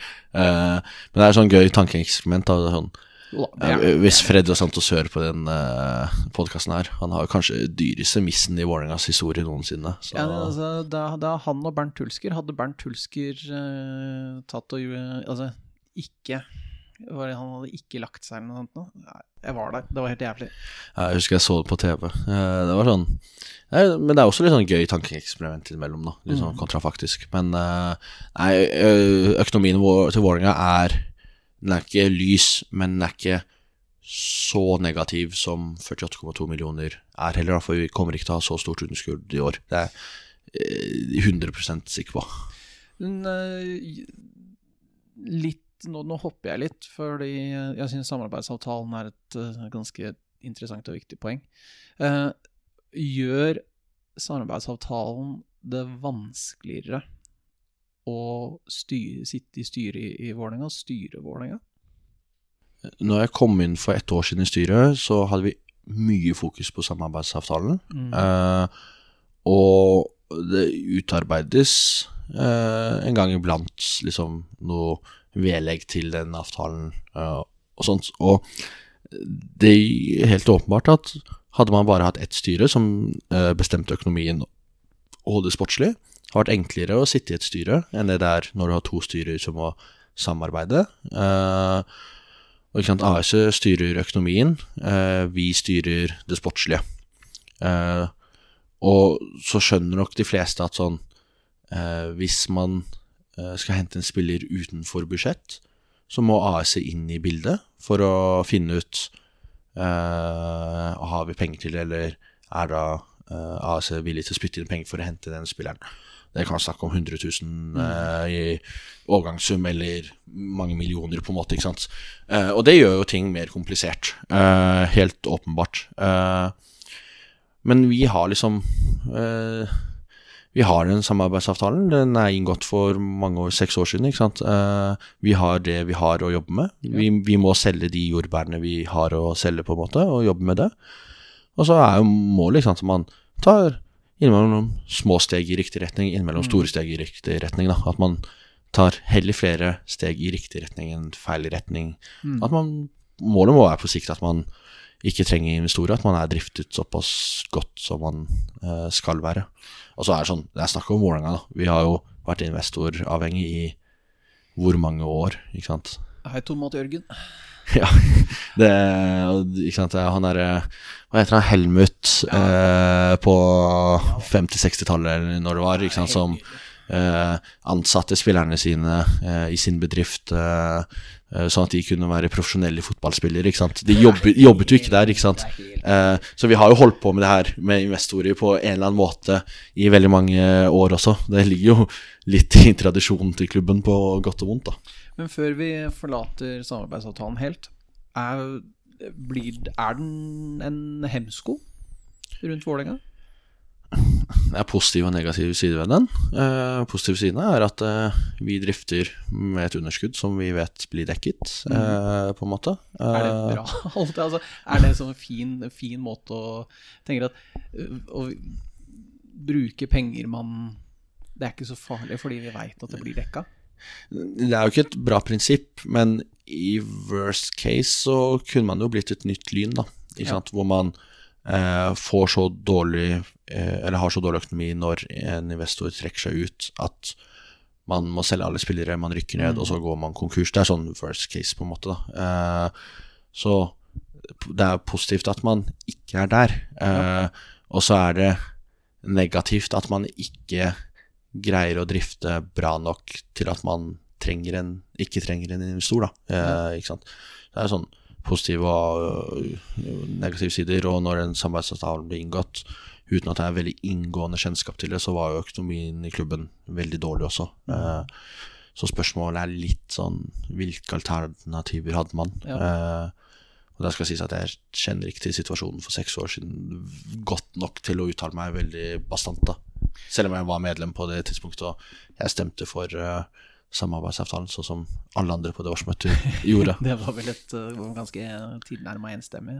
Det var enstemmig, og så vil nok noen si at man ikke hadde noe valg på det årsmøtet. ikke sant? Uh, og så vil jeg også si at hadde en samarbeidsavtale blitt tatt opp på et årsmøte i dag, så er det ikke sikkert det hadde gått like smooth igjennom, Uh, fordi medlemsmassen har blitt mer engasjert. Ja. Før så var de som møtte opp på årsmøtet, var, det var allemannsligaen og liksom den gjengen der. Veldig få folk fra eh, det aktive supportmiljøet. Nå er det veldig mange supportere som er aktive. Da, det ser man på årsmøtene. Det er mer debatt og mer forslag. Og, eh, og, og man flytter mer makt til årsmøtet. Da. Og det er jo en positiv ting i seg selv. Hvis vi flytter oss litt videre, og, men holder samtidig på det at dere ikke klarer å følge opp uh, vedtak, eh, så ble det jo nå vedtatt at, dere, at eh, styret, klubben, skal jobbe mot uh, VAR Yes. Da med neste sånn utlysningsperiode, da. Ja. Altså TV-avtalen, nå er det jo ikke noe å gjøre med, men neste deretter. Hvordan skal styret jobbe for at VAR ikke blir videreført? Det er jo, det vedtaket på årsmøtet er todelt. Det er jo det at vi er prinsipielt mot VAR, og så er det det at man eh, skal jobbe mot en kommersialisering av VAR. da. Eh, VAR er nå innført. Det er en del av eh, TV-avtalen som varer i fem-seks år, eller hvor lenge den varer. Eh, så det er ikke så mye å gjøre med det per dags dato. Det man kan jobbe for per dags dato, er at man f.eks. ikke får reklamepauser. Eh, jeg tror ikke det er veldig aktuelt med det første i norsk fotball, men det er jo sånn ting Jeg er jo mot VAR. Eh, jeg stemte for det forslaget at man skal være mot VAR. Eh, og det er sånn en av de tingene jeg er redd ved norsk bruk av VAR, er at plutselig kommer det reklamepauser. Man dis diskuterer det i Italia. Det tror jeg tok to måneder fra de innførte til VAR til de begynte å diskutere reklamepauser med VAR og sånt. Og det vil jo stykke opp spillet mye mer enn det det behøver. Fotballen er jo egentlig et spill hvor det er veldig mye flyt, i motsetning til f.eks. ishockey, hvor det er start og stopp hele tiden. Og, eller amerikansk, amerikanske idretter generelt er jo start og stopp hele tiden. ikke sant? Mens fotball er mer sånn uh, europeisk hvor det er flyt i spillet, selv om det er frispark og innkast og sånt. da. Uh, og det vi må se på er, i styret, er jo sånn hvordan vi kan få eh, Hvis jeg skal tenke litt høyt, da. I første omgang norsk toppfotball, som er interesseorganisasjonen til klubbene, til å si at man er mot VAR. De er jo for VAR. Og hvis de sier at de er mot VAR, eh, så blir det lagt veldig mye press på NFF eh, om at eh, da blir det vanskeligere å videreføre VAR. Ja. og da kan ikke bare Vålerenga være for VAR, nei, mot VAR. Da må også veldig mange andre klubber være mot VAR. Da. Og når en NTF eh, sa at de var for VAR, var det vel kun Lillestrøm som stemte imot. Så man har en lang vei å gå. Ja. Men man har en del år før, før man starter den prosessen på nytt, og da forhåpentligvis får man med, med en del klubber. Da. Eh, så, det er, så det var et prinsipielt vedtak i stor grad eh, som eh, ligger litt sånn Det er litt sånn søvnig vedtak akkurat nå, for det er ikke så mye å gjøre. Men som man må eh, ta opp av skuffen når det nærmer seg. Da. Ja, riktig. Eh, det er jo en ny valgkomité.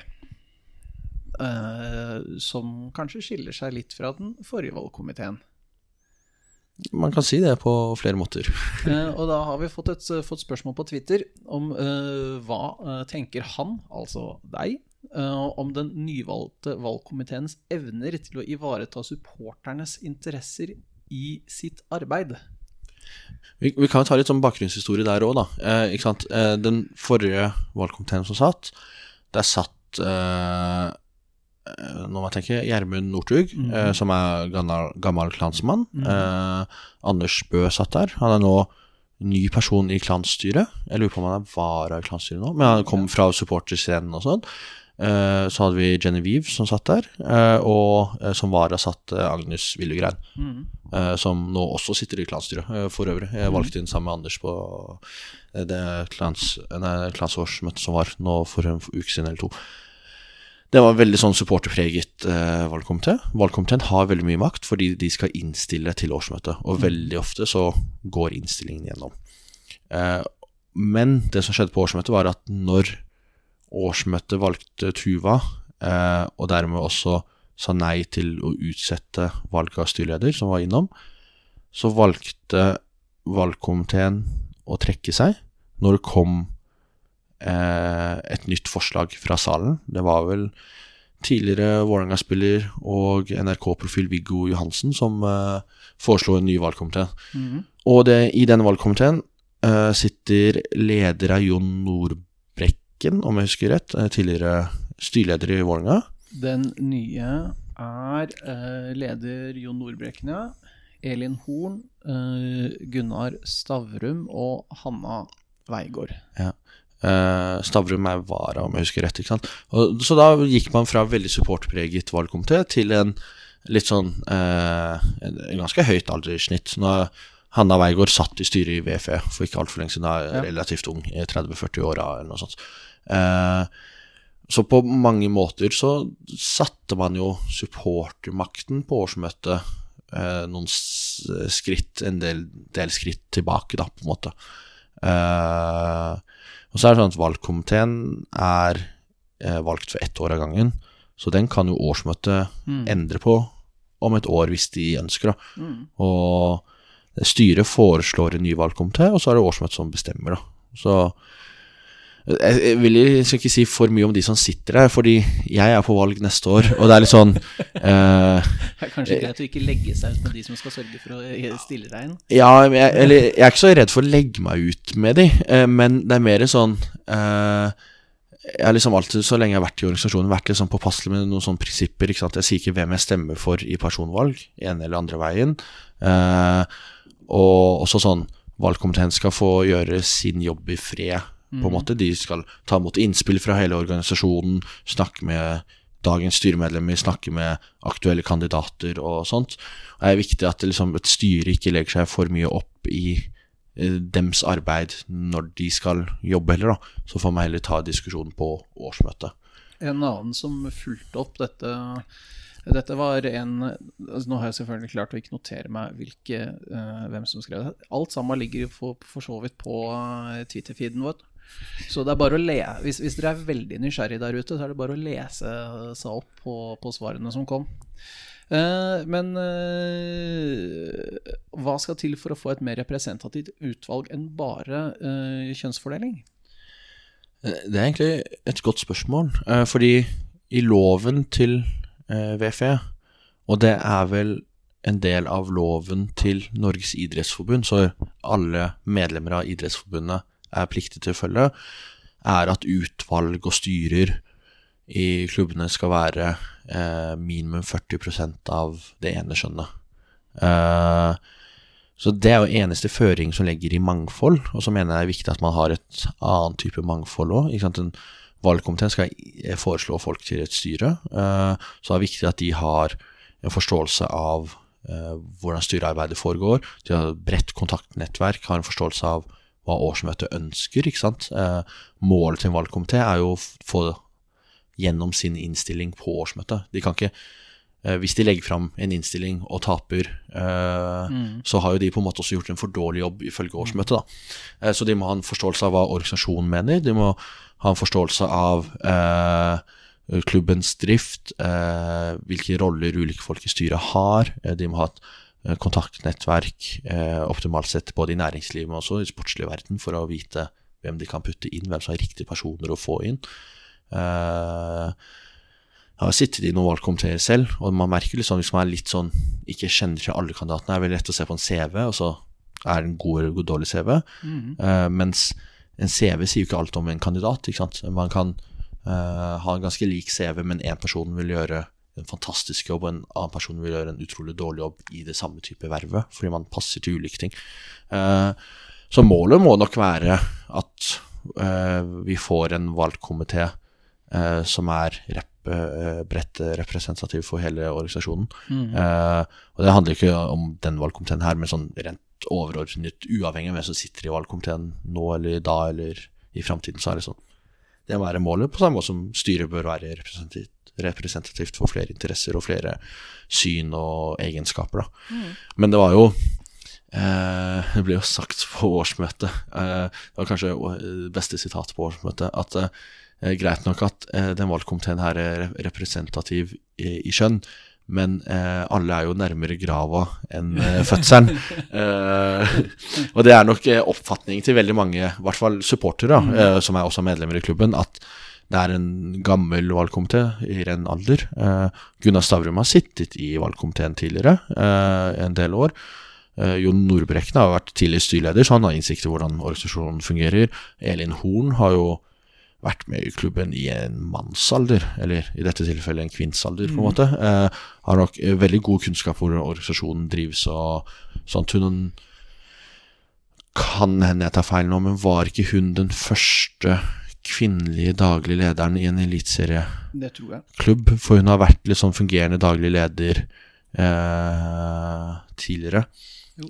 Eh, så hun har jo en veldig god forståelse av Vålerenga, og så er det veldig sånn ikke sant, og Hanna eh, hadde jo sittet i styret før jeg kom inn i styret. Eh, så hun har jo en forståelse av hvordan samarbeidsavtalen fungerer, og den dynamikken også. Så det er jo på mange måter en kompetent valgkomité. Og så kan man si at den mangler kanskje noen annen type kompetanse Ja. som forrige hadde. så det er viktig at man ikke drar for langt i ene eller andre retningen når det kommer til både styre og valgkomité. Du kan ikke bare ha supportere i styret eller valgkomiteen. Du kan ikke bare ha eh, businessfolk eh, heller, for det er jo Vålerenga er består av enormt mange interesser. Eh, og man eh, skal ta vare på alle de interessene, ikke sant. Og det er ikke alltid like lett, men da er det viktig med folk som ser det store bildet og ser ulike interesser, da. Føler du at det er mange at, at de som roper høyest, også er de som får mest, på en måte? I, i, altså fordi det er, jo, det er jo en kjensgjerning det at det er mye greier, og det er mange som har meninger. At de som sitter og roper høyest på Twitter og sosiale medier, også er de som kanskje er mest med på å styre. Nei, jeg er litt usikker på om det stemmer. Altså Tidligere har jo vært at de som roper høyest, kanskje er de som har hatt minst å si, fordi man har stått på en tribune og, og hatt noen tekstbandere som er protest for eller mot noe, eh, og meldt på Twitter uten å ha vært medlem i klubben. Og så har mange av de begynt å melde seg inn i klubben, altså fått mer å si. Mm. så ikke sant, meld deg inn i klubben uavhengig av hva du mener. Eh, så lenge du står for Vålerengas verdier og holder med Vålerenga. Vi ønsker jo ikke Lillestrøm-supportere som medlemmer i klubben, De f.eks. kan holde seg unna. Ja. Eh, men jeg tror ikke det er nødvendigvis er de som roper høyest som vinner. Eh? På årsmøtet var det eh, veldig opphetet diskusjon om valg av styreleder. Eh, jeg opplevde ikke at de som ropte høyest, fikk vilja si i det valget, selv om det nok var, var, folk som ropte høyt fra begge sider, da, det skal sies. Men eh, det er ikke nødvendigvis at de som roper høyest, får vilja si. Eh, og det, det er på en måte viktig at man ikke bare er sånn at de som roper høyest, får vilja si, men fordi man har ulike sider man skal vurdere, og flere faktorer. Men eh, veldig ofte er jo supportere Vi er jo flinke, jeg er jo supporter selv, vi er jo flinke til å rope veldig høyt. Det er jo, det er jo jobben vår eh, på stadion på mange måter. Eh, så eh, jeg ønsker jo mer supportermakt, men man må ikke se seg blind på at Supportere. Ja, innimellom så er det andre avveininger enn bare supporternes eh, interesser. Eh, og det er kanskje det som liksom er eh, noe av det mest utfordrende i styret eh, for min del, er sånn det derre jeg kommer fra et veldig tydelig sted som er østblokka, på en måte. Eh, men så er det innimellom andre interesser man skal veie også. Hvordan, følte, blei det mottatt i, i styret da du, du, kom inn? Følte du at det liksom blei tatt imot på samme linje som folk som er advokat og har god businessinteresse, eller er det mer sånn altså du kommer fra supporterne, det jeg, Hvem faen er du? Jeg, hvis jeg ikke tar helt feil, så er jeg den første. fordi når jeg ble valgt inn, så foreslo jo flertallet av valgkomiteen en annen kandidat. Og så var det én person i valgkomiteen, eh, nevnte Anders Bø, som foreslo meg. Eh, så var en dissens der. Så det ble jo for første gang i Vålerenga fotballelites historie en faktisk avstemning mm. om hvilken kandidat man ønsket. Og jeg er den første kandidaten som ikke har blitt valgt ved enstemmighet. da. Eh, men jeg opplevde jo at styret og administrasjonen tok meg jo mot helt strålende, på en måte. Eh, det var ikke noe sånt spørsmål Nei, du er supporter, og du er sånn og sånn, på en måte. Det var sånn Nei, nå er du del av styret. Her er alle sakspapirer. Her er Og litt sånn innføring hvordan styret fungerer. Fordi det tar litt tid å sette seg inn i mm. alle dynamikkene som er i styret, og mellom AS og VFE, og mellom sport og de to ulike styrene og sånt. Det er en dynamikk der som er Man skjønner, forstår den ikke på første møte nødvendigvis alltid, da. Men jeg føler jeg ble tatt godt imot i styret. Uh, og det må jo være et mål at uavhengig av hvem som sitter i styret, så uh, blir man tatt godt imot fordi det er årsmøte årsmøtet som bestemmer hvem som sitter i styret. Og da må resten av styret også eh, Bare godta, rett og slett? Ja, ikke sant. Og man, sånn er det. Eh, og jeg tror ikke det var noe problem i mitt tilfelle, men jeg har også som mål at uavhengig av hvem som blir valgt inn i, i framtiden, så skal jeg være like flink til å ta imot de som jeg ble tatt imot. Ja. Uh, vi fikk jo en ny person inn i styret nå, ikke sant? og mitt mål er å ta imot Marianne på like god måte som jeg ble tatt imot. Jeg skrev jo på Twitter at uh, du skulle komme, og da fikk vi en hel haug med spørsmål. Uh, man fikk litt inntrykk av at dette her er en av de største kjendisene vi har hatt på, i poden. Kan ikke stole på Twitter. Jo, jeg stoler alltid på Twitter. Alt som står på internett, er sant. Det, det var sjukt mange spørsmål om alkoholkonsumet ditt og pubturene dine. Ja. Det er nok veldig, veldig overvurdert. Nei, eh, jeg så det var et eh, spørsmål om hvilke kallenavn som er mitt favorittkallenavn også. Ja. Eh, og det noen har funnet ut, er at eh, de kan si, eller putte hvilket som helst ord, og så Ian, ikke sant, fra Ole Kristian. Og så blir det et kallenavn. ikke sant? Så hvis jeg drikker øl, så er det Ole Øljan. Eh, hvis jeg eh, jogger, så er Ole Joggjan, ikke sant? Eh, og så videre, og så videre, og så videre. Eh, så det er my mye sånn på en måte internhumor som eh, innimellom kommer ut, da, som disse spørsmålene kommer i. Eh, men det er jo fordelen med å være, være student, er jo at man kan ta seg en bytur en gang. Eh, i helgene, men også i ukedager. da eh, Som kanskje folk som jobber, ikke nødvendigvis oh, kan eller bør. Eller ja, man, man, man, kan jo, men eh, det, jeg tror, lurt, tror du møter flere studenter ute på byen en uh, torsdag eller onsdag enn du møter uh, arbeidsfolk med to barn og et huslån, på en måte. Ja man skulle gjerne vært der noen ganger, merker jeg. Men det får bare være. Ja, så, så, er det jo litt, litt sånn eh, overdrevet, eh, det opplegget der også. Men eh, det er helt åpenbart sånn det er gøy å ta en øl før kamp og to-tre øl etter kamp, på en måte. For, for, å, gå, for å gå stang ut uh, fanzine-podkasten uh, litt sånn i næringa for øvrig en veldig bra podkast også. Ja, veldig. Og dere skal også ha skryt i VPN for Jeg er fornøyd med at de har, eh, med at de har kommet seg på, på, nett. Jeg har jo lenge vært litt sånn eh, vokal, eller ønsket noe ordentlig Vålerenga-podkaster. Jeg syns det har vært en sånn mangelvare. Jeg tror vi har plass til én eh, til to andre podkaster også. Og, ja, så lenge, altså det er ikke noe Og Stang ut har startet veldig bra. Dere har en sesong nå eh, som har startet veldig bra med eh, levering eh, både på et bra nivå, men også jevnt og trutt. Og det tror jeg er det viktigste i i Vålerenga at man får en mengden også. At det ikke er en podkast en gang, gang iblant, men at man får jevnt og trutt. For det, Jevnt og trutt er fint. folk elsker podkaster. Det er jo, det, det er jo ikke sant, Før leste man fanzine fanziner på nett, nå hører man podkaster på T-banen på vei til jobb. Nå, nå er man mann 40 pluss som har egen podkast. Det, det det er mange av de etter hvert i det landet her. er mange av, de, mange av oss. Eh, det skal ikke så mye til. Eh, hva er det mest positive som skjer i Vålerenga fotball elite for tida? Var det en som lurte på? Jeg tror uh, det er veldig lett å si uh, uh, talentarbeidet. Mm.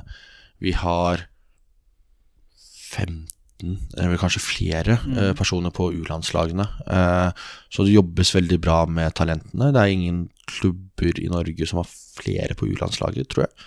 Eh, utfordringen er jo å få de til å bli enere, og ikke bare på en måte middels eh, talenter. Der, Stabæk er jo helt rå på å få fram, få fram mange enere. Eh, Der hvor vi kanskje har veldig mange som spiller i Eliteserien, så har Stabæk vært veldig flink til å få folk ut av landet også. Eh, er det ikke sånn fem av de som er på A-landslaget nå, kommer fra akademiet i Stabæk eller noe sånt? Jo, det kan tenkes, da.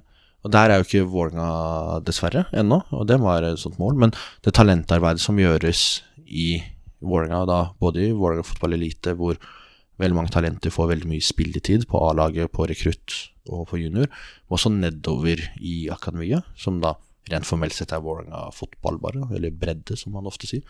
Det er utrolig bra. Eh, jeg vil si det som skjer på tribuna, eh, er veldig bra. Vi har et større mangfold på tribuna nå enn det vi hadde før pandemien. Det er flere yngre som møter opp på tribuna. Man, plutselig ser man en kompisgjeng eller venninnegjeng på tre-fire stykk som man ikke helt vet hvor kommer fra, som kommer på eget initiativ. Man har eh, flere kvinner på kamp. Eh, hvor det har vært et sånt kvinneinitiativ eh, for å få flere kvinner på kamp, som er helt strålende. Man har større mangfold av etnisitet på tribuna. Der tror jeg sånn Osame har jo vært veldig viktig. At han, han representerer en gjeng eh, som ikke har vært veldig store på tribunen, dessverre. I tillegg der så skal du skyte inn at både Dikko Eng og Jatta er gode. Og jeg tror det kanskje kommer enda mer nå, nå som vi har uh, fått inn Ofkir. Bully, Bully. ikke sant. Eh, og det har vært sånn mangelvare på tribuna. Ma, altså Tribuna vår har vært veldig eh, hvit mann, eh, på en måte. Vært få kvinner, vært få med innvandrerbakgrunn. Eh, aldersspennet har vært alt fra 16 år til voksen, da, det skal sies. Eh, så den utviklingen der er utrolig positiv, og det er mye god, positiv tribunekultur eh, også. Eh, så det jobbes veldig bra med. Det er kanskje ikke Vålerenga fotballelite sitt eh, verk, da, men det er jo oss på tribunen, på en måte. Men jo, jeg mener at det som skjer på tribunen, henger sammen med det eh, klubben også. Eh, så det er kanskje de to tingene jeg vil trekke fram akkurat nå, da. Og jeg er jo merker også, jeg er jo eh, positiv til denne sesongen her. Eh, Du er det, ja? ja, veldig mange er jo negative. Eh, og så er jo jeg den som pleier å være negativ inn mot en sesong, eller skeptisk da, til en sesong når alle andre endelig får den der kriblingen. Men jeg mener jo, vi var litt inne på det i stad, at Eliteserien er veldig jevn liga. I fjor vi holdt på å rykke ned halvveis, eller litt før halvveis. Vi havna ni poeng bak Lillestrøm, til tross for at vi også hadde en veldig dårlig avslutning på sesongen. Så vi er ikke så bak Lillestrøm som havna på fjerdeplass, f.eks. Hvis vi får en eh, langt bedre start. Si om vi får en middels start istedenfor en katastrofestart. Eh, og så eh, hev, Du hever bunnivået, og så hever du toppnivået litt, og så jevner du ut da, eh, hele nivået i løpet av en sesong, så skal ikke så mye til før man plutselig er oppe og kjemper heller. For Lillestrøm er ikke spiller for spiller veldig mye bedre enn Vålerenga. Nå er de fem første kampene i Eliteserien for Vålerengas del. Det er borte mot eh, Ålesund. Så er det hjemme mot Sarpsborg. Så er det borte mot Brann. Så er det hjemme mot Lillestrøm. Så er det borte mot Rosenborg. Det er en vanskelig sesongstart, eh, og det er viktig å komme godt ut av startblokkene. Det er det. Eh, men jeg mener sånn vi har mye kvaliteter i laget. Eh, og jeg tror jo til tross for at kanskje Osame var vår beste spiller i fjor, tror jeg laget kan bli bedre uten han, eh, og heller med de spillerne vi har fått inn. Høres kanskje litt merkelig ut, men jeg tror liksom Osama var veldig flink til å drible og eh, veldig mye bra, men han slet jo litt med å få målpoeng, da. Mens Ofkir f.eks. leverte jo i hvert fall i fjor veldig mange målpoeng for Sandefjord, som var kjempet om nedrykk, på en måte, eller Ja. mot nedrykk. Eh, så hvis Ofker kommer fort inn i troppen og leverer på det nivået han gjorde i fjor, så tror jeg laget kan tjene på det. Men, Ja. eh, og så har mange unggutter blitt ett år eldre òg, ikke sant. Eh, Sjøeng har blitt ett år eldre. Eh, han debuterte jo i Eliteserien eh, midt i sesongen, på en måte. Eh, godeste Emilsen og Risnes, som kanskje mest sannsynlig starter på benken, men de har blitt ett et år eldre. Hvis de kommer inn eh, etter 60 minutter, så kanskje de leverer bedre i år enn i fjor. Eh, Dikko har blitt ett år eldre, Jatta har blitt ett år eldre. Jatta, hvor mange mål har han putta i oppkjøring nå? Tre-fire mål eller noe sånt. ikke sant? Han har er vel toppskårer, ikke sant. Så mange av de unggutta har blitt ett ett år eldre. Eh, Tiago har blitt ett år eldre, men også eh, fått liksom en skade Han har vært skadeplaget tidligere, og nå liksom fått en lengre periode hvor han ikke har vært så mye skadeplaget. Det kan være bra, ikke sant. Eh, så nå har vi Strandberg, som er desidert beste stopperen i Eliteserien når han spiller, eh, fra start av. Eh, Det hadde man ikke i fjor. Man var jo litt shaky på stoppeplass i fjor, ikke sant. Så Brynjar eh, traff Ble jo ikke den suksessen man håpet på, f.eks., og sånt, da. Så jeg har troen, men det handler ikke om bare individer, det handler om et system som må sitte også, da. Og så mener jeg, hvis vi kan fortsette litt på fjoråret eh, Det var jo den troppen eh, som slet enormt mye i sesongstarten, var jo også den som snudde det. Det snudde jo før vi hentet Børven, Jyklerød, eh, Strandberg. Eh, og det viser jo også at veldig mye er mentalt i fotballen. Det var ikke sånn at eh, de spillerne våre plutselig ble bedre til å skyte eller til å forsvare seg sånn rent teknisk. Det var jo Eller sentre, ikke sant.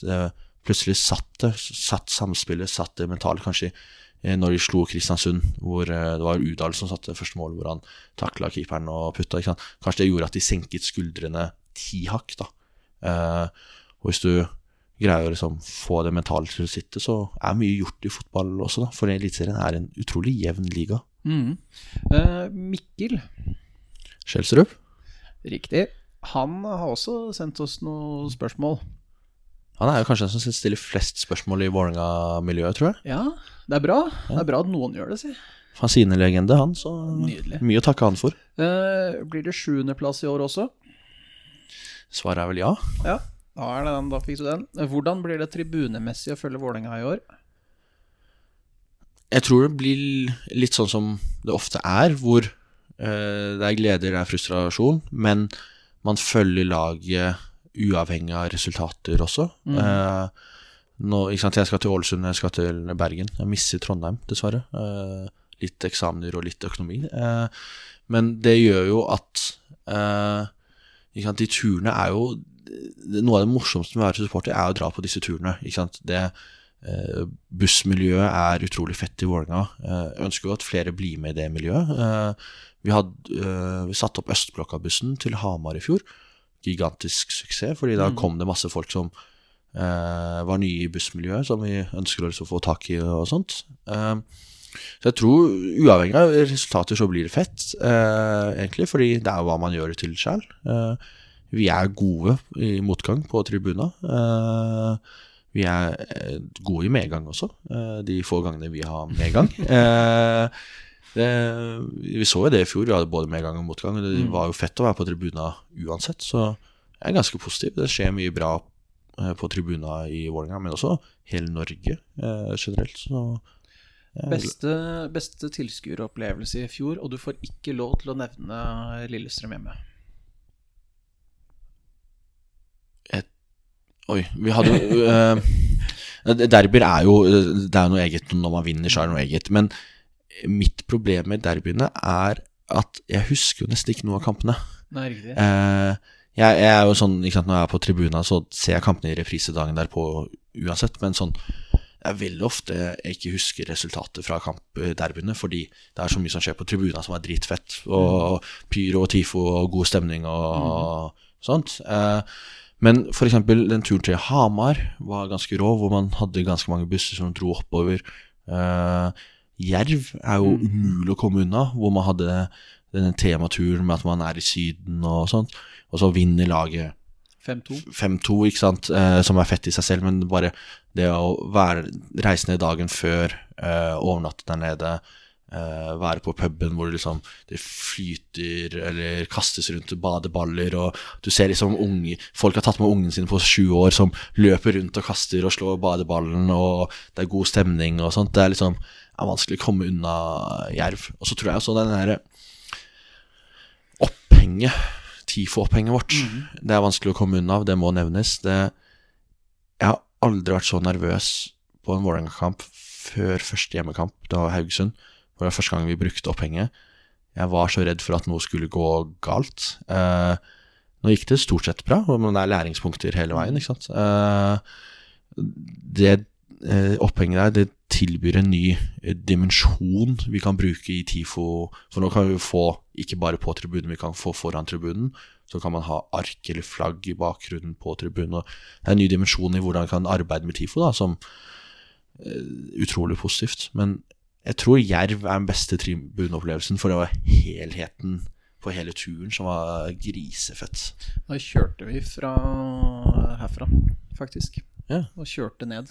Tok vi, tok vi Teslaen til Fredrik Lading og uh, rusha nedover. Det var fin tur. Det var helt nydelig, og så været var helt nydelig. Og, sånt, og, og jeg syns Jerv var ganske flinke arrangører. Eh, Til å være en liten klubb som rykte opp for første gang, så er det sånn De Ja. gjorde, gjorde nesten alt perfekt. Og så har de de forholdene å jobbe etter som de har på stadion, men uh... Jeg har sagt det før i denne podkasten, og jeg har egentlig sagt det til alle jeg snakker med som uh, driver med uh, Som jeg har hatt noe med Jerv å gjøre. Jerv er kanskje den koseligste klubben jeg har vært borti, fra presse og foto og tribune. Det, altså, det var sånn der Alle var hyggelige. Det det alle sånn, «Det er Koselig at dere kommer fra Oslo. Og, og så tenker jeg hva faen er dette for noe? Hva går dere på? Jeg vil ha akkurat det samme. Det jo, vi har jobbet veldig mye i NSA og opp mot klubbene. Vi, NFF arrangerer jo det som kalles sikkerhets- og arrangementsseminaret før hver sesong. Det var for to uker siden. Og da får vi ofte sånn halvtime, time å snakke til klubbene. Og der sitter da eh, arrangement- og sikkerhetsansvarlig i alle Eliteserie Obos-klubbene. I tillegg til politiet fra alle politidistrikter. For alle politidistrikter har en sånn fotballansvarlig, da. Altså, Eh, vårt viktigste budskap er som bortsupporter vil vi bli møtt med et smil.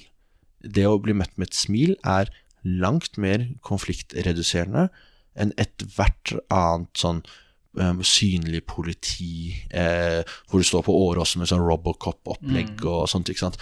Og det er trygt å dra på kamper i Norge. Eh, og så lenge du har god segregering mellom hjemme- og bortsupportere, så skjer det ingenting uansett. ikke sant? Så eh, vårt budskap er liksom møte oss med et smil, så vil du se at det eh, blir hyggelig å dra, være på kampen. Og Sogndal er mitt sånn eh, jervklubb, Ja. da. Hvor det er sånn du blir møtt der av en eller annen bestemor som smiler Ja, og, og skanner billetten, og så går du liksom inn og så opp en, en etasje i trappa der, eh, for å komme på tribunen, og der blir du nærmest, står en bestemor og nærmest dytter i deg to vafler med en gang. ikke sant? Og det, er bare sånn, det er hyggelig å bare være der, eh, som mange klubber har noe å lære av, da. Så der hvor eh, Jerv fikk eh, 2022-versjonen av denne håndboka på hvordan behandle supportere, så sitter Glimt fortsatt igjen da med 70-tallets. Ja, ikke sant. Og Glimt er jo sånn eh, Glimt går i mange av de fellene Molde gjør, da. Jeg mener det er litt skremmende mange likhetstrekk hvor sånn supersportslig suksess som alle klubber misunner de for, ikke sant. Men behandlingen av bortsupportere er litt sånn Vi hadde piggtråd der. Eh, Rosenborg var før oss, de hadde piggtråd. Og det piggtrådet kom av at det ble satt opp for de skulle spille i Europa mot Legia, men- eh, Warszawa eller noe Altså, sånt, ikke sant. Og, og, og da tenker jeg på Du har piggtråd, og du har gjerder. Altså, dette her var noe Ullevål hadde på eh, 90-tallet eller noe sånt. Nå. Og det er jo ikke trygt. Det er ikke trygt. Det er, ikke, det er et syn på supportere som ikke hører hjemme i norsk fotball. Eh? Og Du ser det på Storhamar nå, da, som eh, på søndag som var, første kampen i rekka mot Vålerenga nå i, i semien, satte opp et gjerde eh, fordi de ikke ønsket at folk skulle stå på det reklameboksen som er foran bortfeltet der, eller hoppe ned. Det er vel fire-fem meter ned til ren betong. Eh, det er sånn Alle skjønte jo at det gjerdet kom til å bli revet ned, for det var veldig provoserende. Folk dro jo, så det på Twitter, og veldig mange de som dro opp, hadde jo kjøpt billett på forhånd, men det var sånn Vi har ett mål, og det er å få den gjerdet vekk. Gjerdet ble jo, jo trampa i stykker før eh, kampen startet, ikke sant? og så tok det, sto, sto man på gjerdet på tribuna i første periode, og så ble det fjernet i pausen.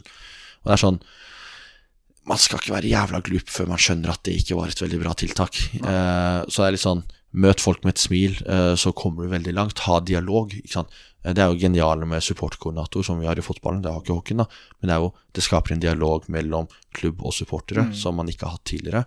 Eh, vi har i Vålerenga tre fantastiske supporterkoordinatorer. Eh, og jeg tror klubbene etter hvert har begynt å innse at supportkoordinatorer supportkoordinator supporterkoordinator er en enorm ressurs de ikke har vært flinke nok til å bruke tidligere. Det er veldig mange klubber som har gitt faen i den eh, rollen der tidligere. Men dialog, møt folk med et smil, så kommer du utrolig langt. Mm, enig. Eh, nå har vi snakka i snart eh, en, og ja, et, en time og snart 50 minutter eller noe sånt. nå. Såpass, ja. Tiden, tiden flyr. Tiden flyr når man har det gøy, si. Eh, så jeg tenker at det er et fint sted egentlig å avslutte. Du tipper syvendeplass. Ja, syvendeplassen er vår, er det ikke det? Da Det det. går det, går det bedre, så er man lykkelig over det, og så er det sånn, går dårligere, så er det dårlig uansett hva man tipper, så Det er, litt, det er litt trist at man går rundt og har den holdninga, selv om det er litt sånn galgenhumor. Så er det sånn åh, ja, Men er ikke syvendeplassen litt sånn vår gullet skal hjem, eh, sånn som Bergen holder på med? Man skjønner at det også er kødd, de går jo ikke og tror det hele tiden, men eh, det er sånn selvironi, galgenhumor-opplegg. Når det gjelder bergensere, så blir jeg aldri overraska hva de faktisk tror.